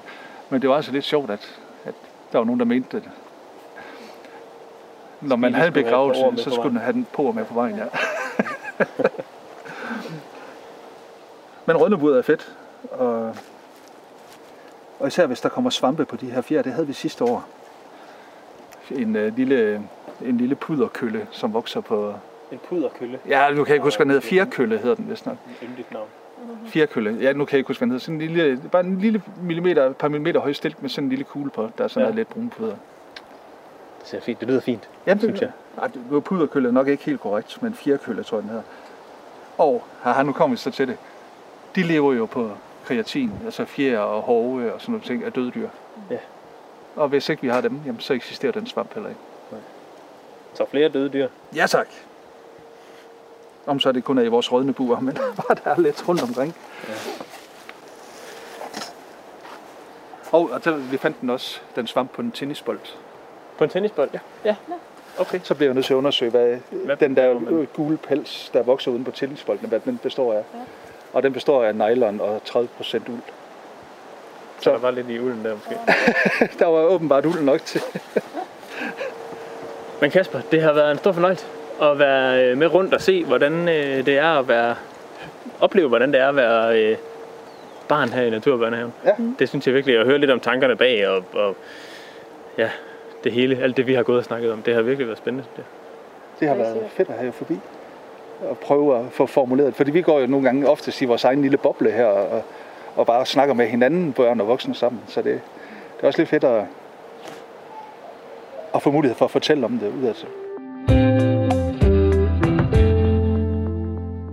Øh, sig mig gang, øh, Mette. Vi er nemlig tilbage i studiet nu, og, øh, og jeg har Mette Hesselholdt Henne Hansen på besøg her i studiet, øh, og hun er lektor i naturfagenes didaktik. Så jeg kunne godt tænke mig at spørge dig, hvornår er det egentlig, man skal slippe de der øh, børn eller unge med ud i naturen, eller hvornår er det, man skal præsentere dem for naturen, for ligesom at, at gøre dem fortrolige med det, og, og give dem den der, både den der dannelse og den læring, der også kan være i det. Er det, er det børnehaven, man skal, der er vigtigt her at tænke på, eller, eller skal vi satse på skolen, eller på gymnasiet, eller på universitetet? Der kan også komme erkendelser. Altså, ideelt set, så kan man ikke komme for tidligt i gang, tænker jeg. Og øhm, sådan nogle børn, som, som dem Kasper har med ude her i reportagen, de, øh, de får jo den her relation til deres omverden meget tidligt, og lærer at navigere i, i det her komplekse rum fulde af indtryk, som udrummet er. Mm. Og vi kan se op i folkeskolen, at hvis man har en klasse med ud, der ikke er vant til det, mm. øhm, så kan det være rigtig, rigtig svært for dem at, at fokusere på øh, et eller andet indhold, en retning derude, fordi der sker så meget uventet, og fordi der hele tiden er det her bombardement af sanserne, som, som vi undgår, når vi tager dem ind i et klasseværelse og lukker døren. Øhm, så så der, der er også sådan noget, noget kultur i det her med at bruge udrummet som læringsrum, mm. øhm, som, som vi får allerbedst etableret ved at komme tidligt i gang. Øhm, men, Så der kan man godt sige til lytterne her, undskyld jeg afbryder, at øhm, har I småbørn, så køb en terrængående klapvogn, så man er i stand til at køre børnene ud i naturen, også inden de måske selv kan gå de lange ture. Ja, det kan ikke, det kan ikke ske for tidligt. Præcis. Men, men det gør vi faktisk også en del. Hvis man ser på, øh, ja, bør, de fleste børnehaver gør noget ud af at få børnene i det mindste mere med ud. Og det er måske også faktisk blevet bedre her under pandemien. Mm. Øhm, og så når de kommer op i de små klasser, så har de faget natur og teknologi. Mm. Hvor de trods alt også kommer ud og ponddipper lidt, stikker nogle net i noget vand og mm. møder nogle dyr. Men når de kommer op på sådan mellemtrin og de store klasser i skolen, så stopper det. Sagde og, du ponddipper? Ja, det, har vi et godt dansk ord for at stikke sådan en ketchup ned i noget vand og fange okay. noget sjovt. Ja, men det er, for, det er jeg forstået nu. undskyld, jeg afbryder dig. Ja. Ja, så, men, men af en eller anden grund, når de kommer op og får faget biologi, der er i 7. klasse, så stopper det. Så sætter vi dem ned foran en eller anden online læringsportal og, og sætter dem til at se på stofkredsløb. Og Og... Det lyder faktisk, som om du synes, det er lidt kedeligt. stofkredsløb er super vigtigt, men hvis man finder et stort, hvis man har et kadaver i en rødne kasse, som, øh, som de har oppe i Kaspers børnehave, så, så får man måske gjort det der stofkredsløb mere Levende. levende, bogstaveligt talt. Ja. Møllerne. Ja. ja. Så jeg, jeg tror simpelthen, øhm, det er vigtigt, hvornår man kommer ud, men det er også super vigtigt, at man ikke stopper igen. At man mm. bliver ved med at have den der relation mellem de abstrakte begreber og den begrebsforståelse, som de jo trods alt bliver i stand til at, at, at fylde mere og mere på, efterhånden som de kommer op gennem, forhåbentlig, igennem grundskolen. Men at, at vi også bliver ved med at koble det til virkeligheden, fordi ellers så mister det relevansen, og så er det, at vi får alle de her mange elever, der ikke kan spejle sig i naturfagene, og som ikke ved, hvorfor det er, de skal have det, og de har i hvert fald tænkt sig at glemme det, så snart de er færdige med 9. Jeg har fornemmelsen af, at det er gået galt for min bror, faktisk. Altså, han, sidder, han bor inde i København og sidder inde i departementet og er blevet sådan en embedsmand og sådan noget. Der, nogle gange så forstår han ikke, hvad jeg taler om. Øh, når, når for eksempel altså øh, blåhattene, den her underslægt af rødblad, de topper ud på overdrevene der i august måned, fordi der er kommet sådan en blid sommerregn, og det er helt stille i vejret og sådan noget. Han er helt tabt.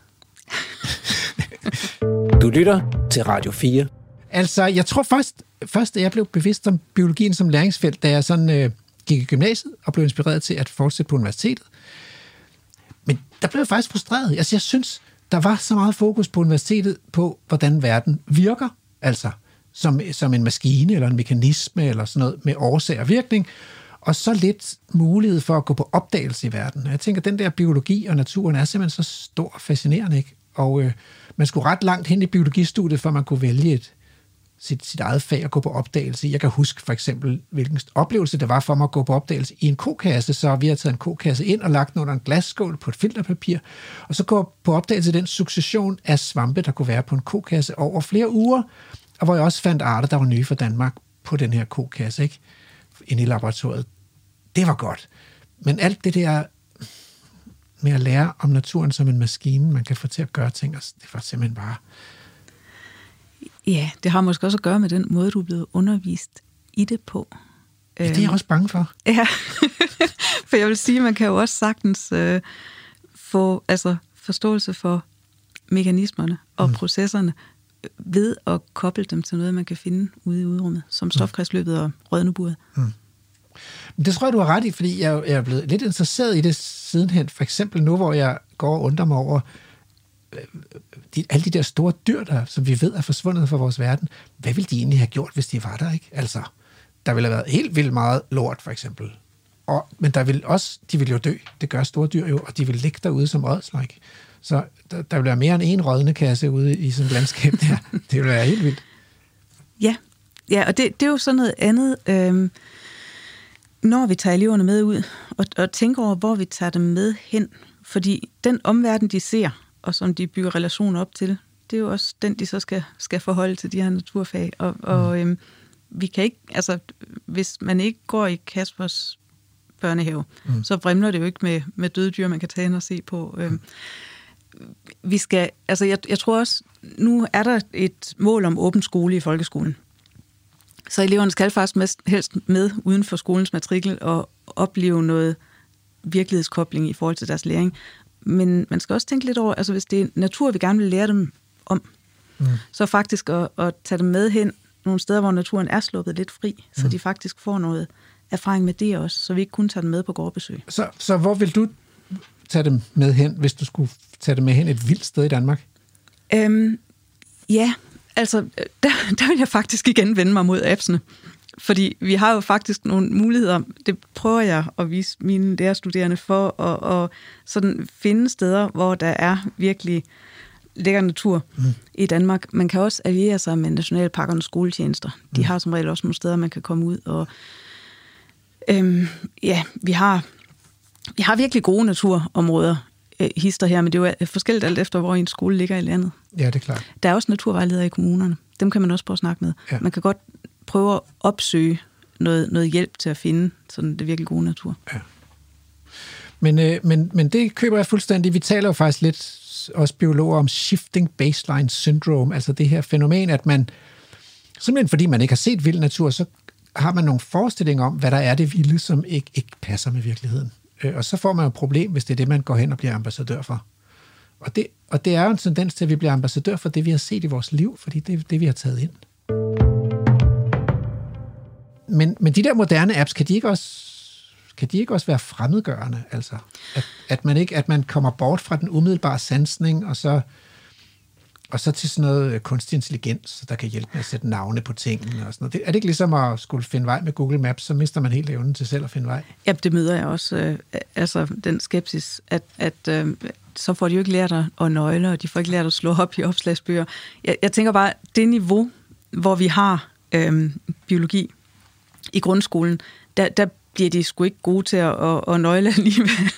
øhm, altså resultatet, der, der findes forskellige bestemmelsesværktøjer, som er analoge og ikke digitale. For eksempel har de fleste skoler sådan nogle vokstue, mm. man kan folde ud med nogle beslutningstræer. Har den seks ben, eller flere, eller færre, mm. osv. Øhm, og de ender gerne i sådan 12 forskellige kategorier. Så havner man i sådan en kasse, som man ud af, hvis man er heldig, som man fundet ud af, at det du fiskede ud af vandet var en, en slørvinge. Mm og så kommer man ikke Der er jo mange videre. forskellige slørvinger, ja, det er og det er jo vildt utilfredsstillende. Ja, det er vildt utilfredsstillende. Eller så har man en eller anden bog, hvad finder du ved øh, sø og bæk, som man slår op i, og, og der er billeder af fem forskellige arter, og så vil eleven pege på den, der ligner mest, og sige, det er den, jeg har fundet. Og, og så får man også bare et meget reduceret billede af netop det, du oplevede med kokassen, at den skattejagt, der egentlig er i det derude, fordi i virkeligheden kan man jo ikke tage på to ture og finde det samme, og man løber aldrig tør for nye arter. Vi har over 35.000 derude. Altså, der bliver ved med at være noget men, nyt at finde.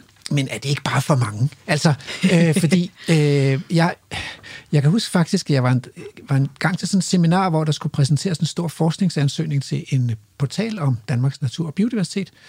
Og der var der en, en, en, en didaktiker, som skulle øh, kritisere det her forskningsoplæg. Og hans kritik gik egentlig på, at mennesker har slet ikke brug for så stor en detaljerigdom, øh, fordi mennesker vil egentlig helst konstruere deres egen virkelighed. Øh, så derfor så var det meget vigtigt, at man, at man gav en, en mulighed for noget interaktion, hvor man selv kunne være med til at skabe sin egen verden, i stedet for det her øh, bombardement øh, med en virkelighed, som er alt for detaljeret og mange facetteret til, at vi kan rumme den. Ja, det er jo der, naturfagene skiller sig fra, fra skolens øvrige fag på en måde, fordi naturfagene beskæftiger sig med vores omverden, og den eksisterer faktisk uafhængigt af os. Øhm, og, og så er vi lidt tilbage Skræmmende. ved folkeskolens, ja, så er vi lidt tilbage ved folkeskolens dannelsesmål, fordi verden er kompleks, og man kan godt lade være med at lyve for eleverne. Man kan godt vise dem, at verden er kompleks, uden at undervisningen bliver kompliceret. Mm. Det handler jo om udvælgelse, og det er i forvejen en af de vigtigste kernekompetencer, hvis man skal være folkeskolelærer, det der med stofudvælgelse, at man kan vælge de her eksemplariske nedslag, man kan gå i dybden med, samtidig med, at man giver et billede af, at verden er meget, meget større og meget mere kompleks, end det, man har tid til at gå i dybden med i folkeskolen. Hey, jeg håber, der er nogle lærere, der lytter til det her program, fordi det er jo vise ord, altså. Øh, kan man ikke også forestille sig, at man faktisk kan redde liv med sådan en biologiundervisning, der viser, at verden er kompleks? Fordi der er jo mennesker i dag, der dør i Danmark, fordi de tager på svampetur og tænker, jeg skal ud og samle spisesvampe. Og så har de ingen anelse om, hvor mange forskellige svampe der er. Så de tænker, hvis, øh, hvi- hvi- hvis jeg finder en svamp, så er det sgu nok en spisesvamp. For altså. det er blevet endnu værre nu, hvor folk de sanker, fordi jeg har studerende, som øh, når jeg har det med ude første gang, samler et eller andet blad op, og så siger jeg, jeg skal lige smage på det. Oh. Jeg siger, ah, planter er meget, meget farligere end svampe. Der er altså, mange giftige planter, altså. Ja, og svampe, der skal man som regel spise en portion for at komme alvorligt til skade, men nogle planter skal man bare bide lidt i. Så. Verden er farlig, og, og det er faktisk også en, øh, en dannelsespointe, at lære at navigere i en farlig verden på en ansvarlig måde. Mm. Ja, uden at blive bange, skræmt for videre. Uden at blive bange, ja. Ja. Nå, altså... Åh, nu stiller jeg et farligt spørgsmål. Øhm, jeg har indtryk af, at det, det der med at være en, og, og, og nørde arter, det meste er for drenge. Øhm, altså, det der med at opdage verden og gå på ekspedition og finde nyt land og sådan noget, det kræver sådan den der mandlige kraft og initiativ og sådan noget. Mens det mere er sådan for piger og, og, og hygge med hinanden. Og... er, det, er det sådan en gammel stereotyp, jeg slæber rundt på? Eller, og, og er det noget, der i øvrigt er nogenlunde konstant? Eller, fordi det er jo ikke, det er jo ikke kun sådan, det ved jeg jo også godt, og vi har jo for eksempel haft Danmarks førende morsekspert Irina øh, med på, øh, på en feltreportage, og, øh, og, og en af det her Team 8K, det er jo, øh, det er jo Linda, øh, mm. sammen, som sammen med Lars øh, har fundet mere end 8.000 arter. Så det er jo ikke, så selvfølgelig er det en generalisering, der ikke kan... Men er der noget om det, og er det, er det noget, der forandrer sig og udvikler sig? Altså, det er jo faktisk, øh, det er, det er jo helt sikkert en eksisterende kulturel stereotyp, og det er også noget, altså, vi har kunne se i, at der har været større fald i naturfagsinteressen hos piger end hos drenge i, i udskolingsfagene. Altså, de er egentlig lige interesserede i det, når de starter.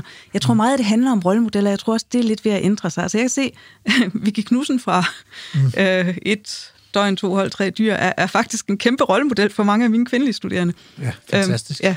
Så det handler meget om rollemodeller, men, men, øh, men måske også om, om at der, der er bare forskellige veje, ikke? og der er nogen, der ender med, at- med at, at den måde, naturen åbner sig på, det er den der totalt nørdede neddykning i en underslægt, der slører hatte, mens at, at for andre, der åbner den sig måske i, i økosystemers kompleksitet, eller i naturforvaltningens muligheder, eller, altså på den måde er natur jo ret bredt. Det er det. Der, der er mange veje ind, og nogen bliver fanget øhm, af, af, af det, du sagde, du havde synes var kedeligt med processerne, og nogen bliver fanget af, af det matematiske i det. Der, der, der, er der er lige så mange øh, muligheder for at, at blive nørd, som, ja. som, øh, som der er mennesker på jorden. Men jeg tror, øh, rigtig meget af det handler faktisk om at legalisere den der nysgerrighed og fordybelse, det der med at grave sig ned i et emne. Og, og det starter jo tidligt. Det er det, Kaspers øh, børnehavebørn allerede er i gang med derude. At, at de øh, kan se sig selv i det der med bare at, at fordybe sig i omverdenen. Har vi alle sammen et potentiale for at, at blive nørder? Det tror jeg faktisk. Altså, fordi øhm, nørdethed handler egentlig bare om helhjertethed. Så øhm, det der med at finde noget, man brænder for at kaste sig helhjertet ind i det, og det behøver jo ikke være naturfagsnørd, man bliver, men, men jeg tror faktisk, for det første, er der ved at ske en kulturændring, hvor øh, altså, nørd var jo et negativt ord, da jeg var lille. Og i dag der bliver det jo brugt som verbum positivt om noget, man brænder for. Jamen, jeg elsker at nørde med, det er det, ikke? Øhm, og, og der tror jeg også, altså, jamen, bare vores børnetv, hvor det er blevet... Store nørd og lille nørd. Ja, og, og, og de der øh, andre ramazan-programmer med mikromarkerne og sådan noget, som, som nørder med vilje.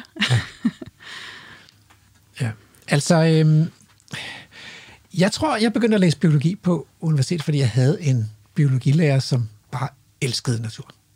Så når du siger helhjertet, så tænker jeg, at det, det, den helhjertethed, den skal vel også, er vel også vigtigt, at den også udgår fra læreren. Altså, at man faktisk kan lide det, man prøver at give videre. Helt sikkert.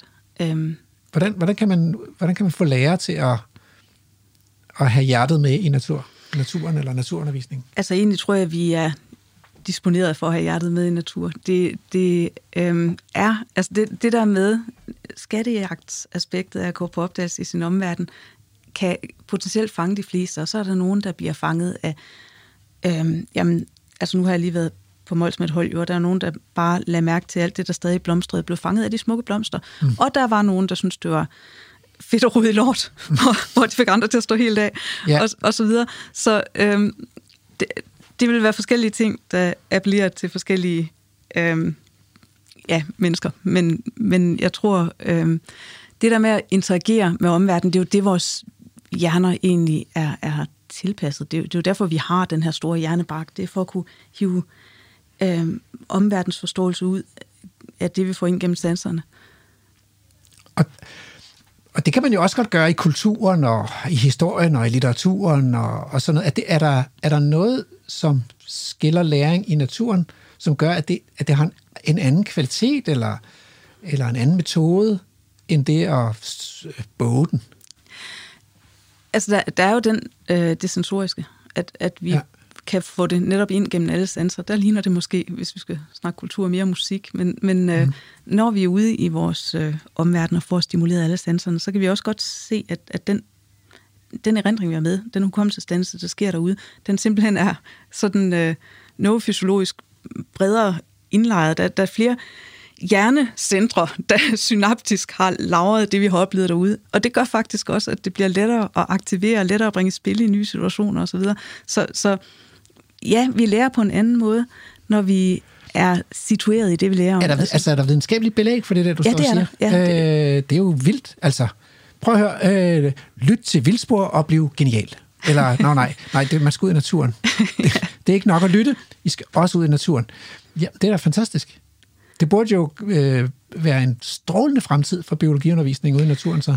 Ja, altså det, det er jo faktisk ikke kun biologi. Vi er i Skandinavien ret kendt for den didaktik, der hedder udskoledidaktik, Mm. øhm, som, som netop øhm, baserer sig på det her med, at, at man laver det indlærte mere komplekst, både i sådan den episodiske hukommelse og den procedurale, de ting, man selv har gjort med sine hænder, og, og så mm. vores teoretiske viden, at de bliver lavet sådan koblet. Så man kan også få noget ud af at køre på mountainbike i et, et besværligt terræn, eller... Ja, det, det er, jeg havde nær sagt desværre ikke kun naturfag, der kan jeg gavne det her. Og, og, og man bliver ikke klogere af- at være i et meget biodiverst område, end at være i, i, i noget kedelig natur. Og eller det, må, hvad? det, jo, for det, der er alle de gode historier er. Der er vi over ved den Ja. episodiske hukommelsesdannelse, så det er jo, fordi arterne har jo historierne med. Okay. Hver eneste art er en unik 4 milliarder år gammel tilpasningsrute ja. til at overleve på vores planet. Og det, og det registrerer vores, på en eller anden måde, så går det ind i, i vores hukommelse og vores hjernebark og sådan noget til den der fortælling, eller der er i hvert fald mulighed. Ja, det, det- skal jo så kobles, så det var så den tredje type hukommelsesdannelse, den semantiske, der var for det teoretiske viden ind. Vi skal selvfølgelig også, øh, vi skal selvfølgelig også have kernebegreberne, vi skal også have fagenes viden repræsenteret i det her. Mm. Ellers bliver det kun oplevelses Mm. øh, værdi, vi får ud af det. Okay, der er en grund til, at man skal læse, læse et stykke tid for at blive en dygtig lærer. Så. Ja. Øh, jeg er glad for, at du hjælper med at uddanne dygtige lærere. Tak skal du have. Det var super spændende. Ja, selv tak. Nu er det blevet tid til ugens tråd, og i dag der kommer den fra Facebook-gruppen biodiversitet.dk, hvor Sebastian Klein har delt et link 24. september, og det handler om Skotland og krondyrene. Det lyder sådan her, Skotland er knap dobbelt så stort som Danmark. Der lever knap en halv million kronhjorte og yderligere en halv million andre hjorte i Skotland. Det er en hel del flere i Danmark, vel omkring 10 gange så mange, når man korrigerer for forskellen i areal. Den skotske bestand har en, bestand, en størrelse, der gør, at den ligefrem betragtes som en trussel mod den derværende biodiversitet. Øhm, han skriver også, der er mig bekendt en del jagt på krondyr i Skotland, hvor manglen på store rovdyr som ulv og los angives som årsag til, at der er for mange kronhjorte. Og kronhjortene nedlægges for at bevare træer, blomster og anden vegetation. Øh, og så skriver han, hvis man nu tænker på det her ønske øh, i Danmark om flere græsser, så er det jo øh, sært nok, at øh, man opfatter de her græsser i Skotland som et problem, og om vi må kan lære noget af det. Eller sagt på en anden måde, hvorfor har de så mange flere end os, og kan vi lade os inspirere? Og øh, han, han kommer også med noget info til øh, Øh, en tyk rapport om dilemmaet øh, øh, omkring øh, regulering af hjorte i Skotland. Øh, så er der nogle kommentarer nede i tråden her, og Nikolaj skriver, de giver krondyrene skylden, men glemmer at tage de millioner og er der millioner af får med i ligningen. Maggots of the hills, de æder råberstup, skriver Nikolaj. Og øh, så er der en øh, kommentar her af Per Ravn. Øh, Skotlands nuværende landskab er vist faktisk opstået ved, at adelen fordrev skotterne og lavede områderne dårlig jord om til jagtområder. Samtidig er skovene fjernet, og genvæksten holdes, genvæksten holdes, holdes vist helt nede af hjorte og får. Så skriver Jens Ulrik, øh, det mest påfaldende er for mig at se, at mens de skotske biologer for alt i verden vil have betydeligt mindre hjortevildt, så vil biologerne i Danmark have betydeligt mere. Der lader ikke til at være den store enighed blandt videnskabsfolk om dette. Øh, og Jens Ulrik Høgh har vi jo haft i, pro- i programmet Vildspor her tidligere, hvor vi netop har talt om forvaltning af de her store dyr øh, og jagten på dem. Så jeg tænker, at jeg prøver at øh, lige ringe Jens Ulrik op og høre, om, om man har en kommentar til Skotland og krondyrene. Øh, Jens Ulrik, er, er du igennem her? Ja, det er jeg. Hej, og Hej. tak fordi jeg må være med. Ja, velkommen til programmet. Øhm, du var jo aktiv i den her tråd om, øh, om krondyrene i Skotland, som Sebastian Klein havde lagt op. Kan du, altså, kan du ganske kort beskrive, hvad er det for en situation, skotterne står i, og hvordan er den anderledes end, end den, vi står i i Danmark? Øh, min, min mavefornemmelse af, hvad, hvad der er det egentlige grundlag for hele den her debat i Skotland, er, at det ikke bare handler om natur. Øh, der, er, der er også en masse fordelingspolitik i det. Skotterne er lidt op og slås om, hvem der skal eje øh, den skotske jord. Øh, der er rigtig mange store godser, som i virkeligheden ejes af nogle ganske få øh, industrimænd via store koncerner osv., og, det generer rigtig mange skotter. Mm-hmm. Øhm, og der har jeg lidt, lidt et indtryk af, at det er blevet sådan en politisk øh, våben i den her kamp at gå lidt efter øh, jagten, som, som jo er den primære aktivitet på mange af de her meget store ejendomme. Mm. Og så, så er der jo så hele det her med, at, at der er en hel del øh, engelske, skotske biologer, som lige nu prioriterer det til synligheden højere end noget som helst andet, at de skal have en masse skovrejsning. De vil have den store kaledoniske skov tilbage. Og der synes de, jordene går, går voldsomt i vejen. Der er nok heller ikke nogen tvivl om, at, øh, at med de tætheder, der er i Skotland, jamen, så æder de her hjorte jo altså en del øh, små træer. Så, sådan er det jo. Øh, årsagen til, i hvert fald hvad jeg har kunne, kunne øh, forske mig frem til med de mennesker, jeg kender i Skotland, at jeg tager en del derover og driller de her hjorte selv hver vinter. Øh, årsagen til, at, øh, at der faktisk er blevet så mange hjorte, det er jo faktisk, at, at rigtig mange af de her store ejendomme øh, har byttet forne ud med, med hjorte. Altså forne, forne var der først, øh, og i takt med, at det blev mindre og mindre rentabelt, så, øh, så valgte man at bruge det her rough grazing op i, i, i bjergene til simpelthen at få en større hjortbestand. Men det, der bliver jo skrevet, i, ja. skrevet i tråden her, at der stadigvæk er mange kreaturer og mange får, også i Skotland altså. Der er så også mange Det er der også. Ja. Det er der også, men, men, men der er blevet færre får øh, mm. i forhold til, hvis du, hvis du går nogle årtier tilbage. Ja, ja. Og i samme, peri- i samme periode er, er jordene vokset, og en del af årsagen til, at jordene også er vokset, er faktisk skovrejsning.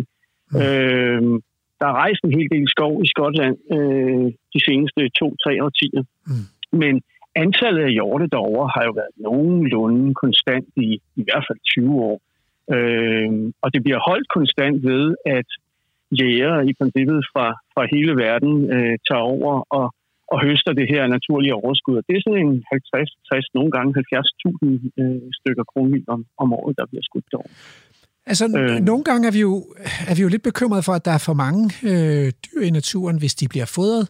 Øh, og i Danmark er der jo egentlig rimelig meget tradition for, at man fodrer hjortevildet om vinteren med bunker af gulerødder og roer, og, og hvad man nu ellers... Og man sætter sliksten op og sådan noget. Hvordan er det i Skotland?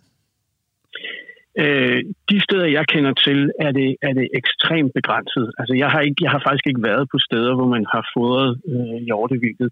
Selvfølgelig foregår det givetvis her og der, og, og nok lidt med, hvis, hvis det sker, så er det nok lidt med samme motivation som de fleste foderpladser i Danmark. Mm. Og det er, jo en, det er jo egentlig ikke, hvad skal man sige, at øge bæreevnen og få en større bestand. Det er mere et spørgsmål om at lokke de dyr, der er i området, til øh, ens eget jagtområde i virkeligheden. Øhm, så så jeg, jeg, jeg nægter at tro på, at fodring i Skotland har gjort nogen som helst forskel på bestanden. Jeg tror, der fodres lidt mere i Danmark, og der kan det selvfølgelig godt have gjort en eller anden øh, mindre forskel. Men, Altså i Danmark, Sagt, i Danmark er bestanden vel så langt under bærekapaciteten, så der er ligesom aldrig mangel på mad til de der danske Nej, hjorte. præcis. Men, men, Og, og, og det, er der heller ikke, det er der heller ikke i Skotland. Okay. Altså, når, når, når vi er oppe og jage hinder og kalve her sidst på sæsonen, mm. de er jo i gode foderstand alle sammen. Mm. Øh, så, så, så det er mere eller mindre en principiel beslutning om, hvor mange øh, i første række øh, den enkelte jordejer, men, men også på et sådan lidt mere overordnet plan fra i, i regioner og stater, hvor mange de synes, der skal være. Øh, og, og det er ligesom det afskydningstallene bliver sat efter. Så når De er der- så hissige med, Ja. Altså, så når der er nogen, der taler om overabundance, og der er alt for mange hjorte, og det er unaturligt og sådan noget, så siger du, at, at, at hvis man ser på naturen, så passer det ikke. Der er ikke flere hjorte, end der sådan set er bærekapacitet, bærekapacitet Fuldstændig korrekt. Ja. Og der er absolut ikke flere hjorte, end der er bærekapacitet til.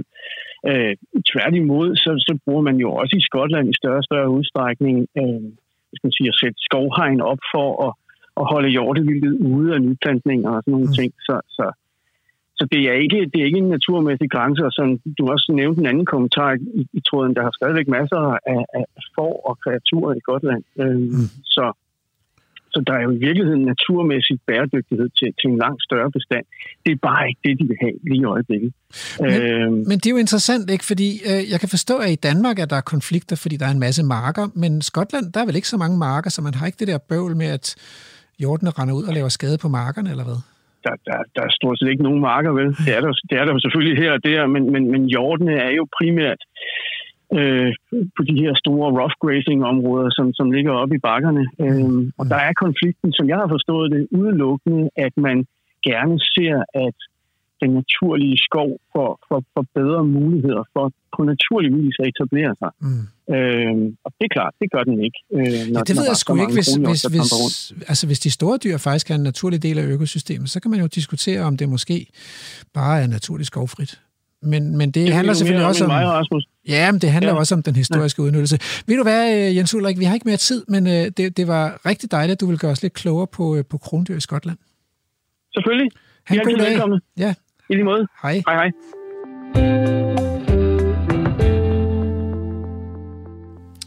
Nu er Vildspor snart slut for i dag. Ja, og, og lige inden vi runder helt af, så har jeg faktisk et spørgsmål, fordi der er noget, jeg kom til at tænke på, og nu er noget, jeg ikke at stille med det spørgsmål, fordi I var simpelthen så godt i gang med det, med det 3 gange H. Øhm, I snakker om det her med, at øh, man skal øh, ikke være bange for naturen, men, men respektere den, men man skal også være nysgerrig og åben over for den. Så øh, Rasmus, har du tænkt over, er der en eller anden gylden mellemvej? Fordi det er jo sådan lidt modstridende. Mm.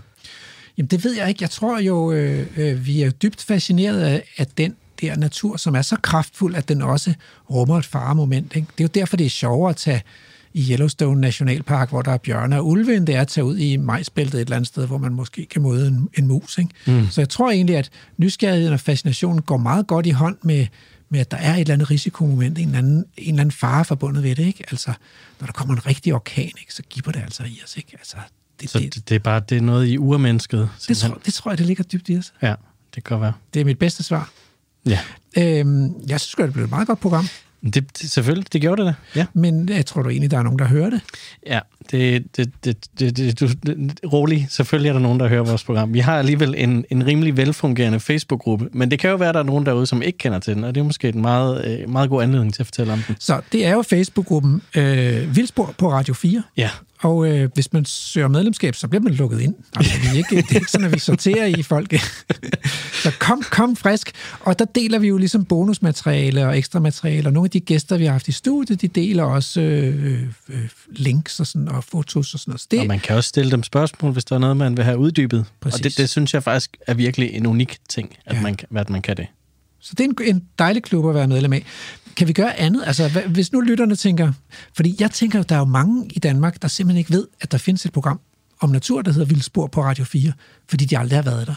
Jamen, jeg synes jo måske godt, at vi kan opfordre vores lyttere til, øh, de kan gå ind på iTunes, eller hvilken som helst podcast-app, de bruger, og, og, og give os nogle stjerner derinde, eller skrive en anmeldelse. Men, men det vigtigste, det er jo, når man giver hinanden noget. Så jeg synes, jer, der lytter med herude, med derude, øh, del det her afsnit med øh, en ven, som I synes mangler noget natur i deres hverdag. Det er simpelthen et rigtig godt råd, som nu er givet ud, øh, fordi så kunne vi måske få øh, øh, programmet udbredt til en bredere gruppe. Er det ikke snart haiku? Det er haiku-tid, jo. Så øh, ugens haiku, det lyder sådan her. Børn folder sig ud. Blander råb med fuglefløjt. Opdager alting. I et dybt hav blåt som himlen mellem tang og fiskevrimlen Rejse syd og nordøst vest. Her på ryggen af min søhest Rider i den både verden. Hele tusind over er den Programmet er produceret af Folkeuniversitetet og Aarhus Universitetsforlag for Radio 4. Skal vi ikke lege skjule gemme os i klippens huler Lygte fisk er med på lejen. Tænder op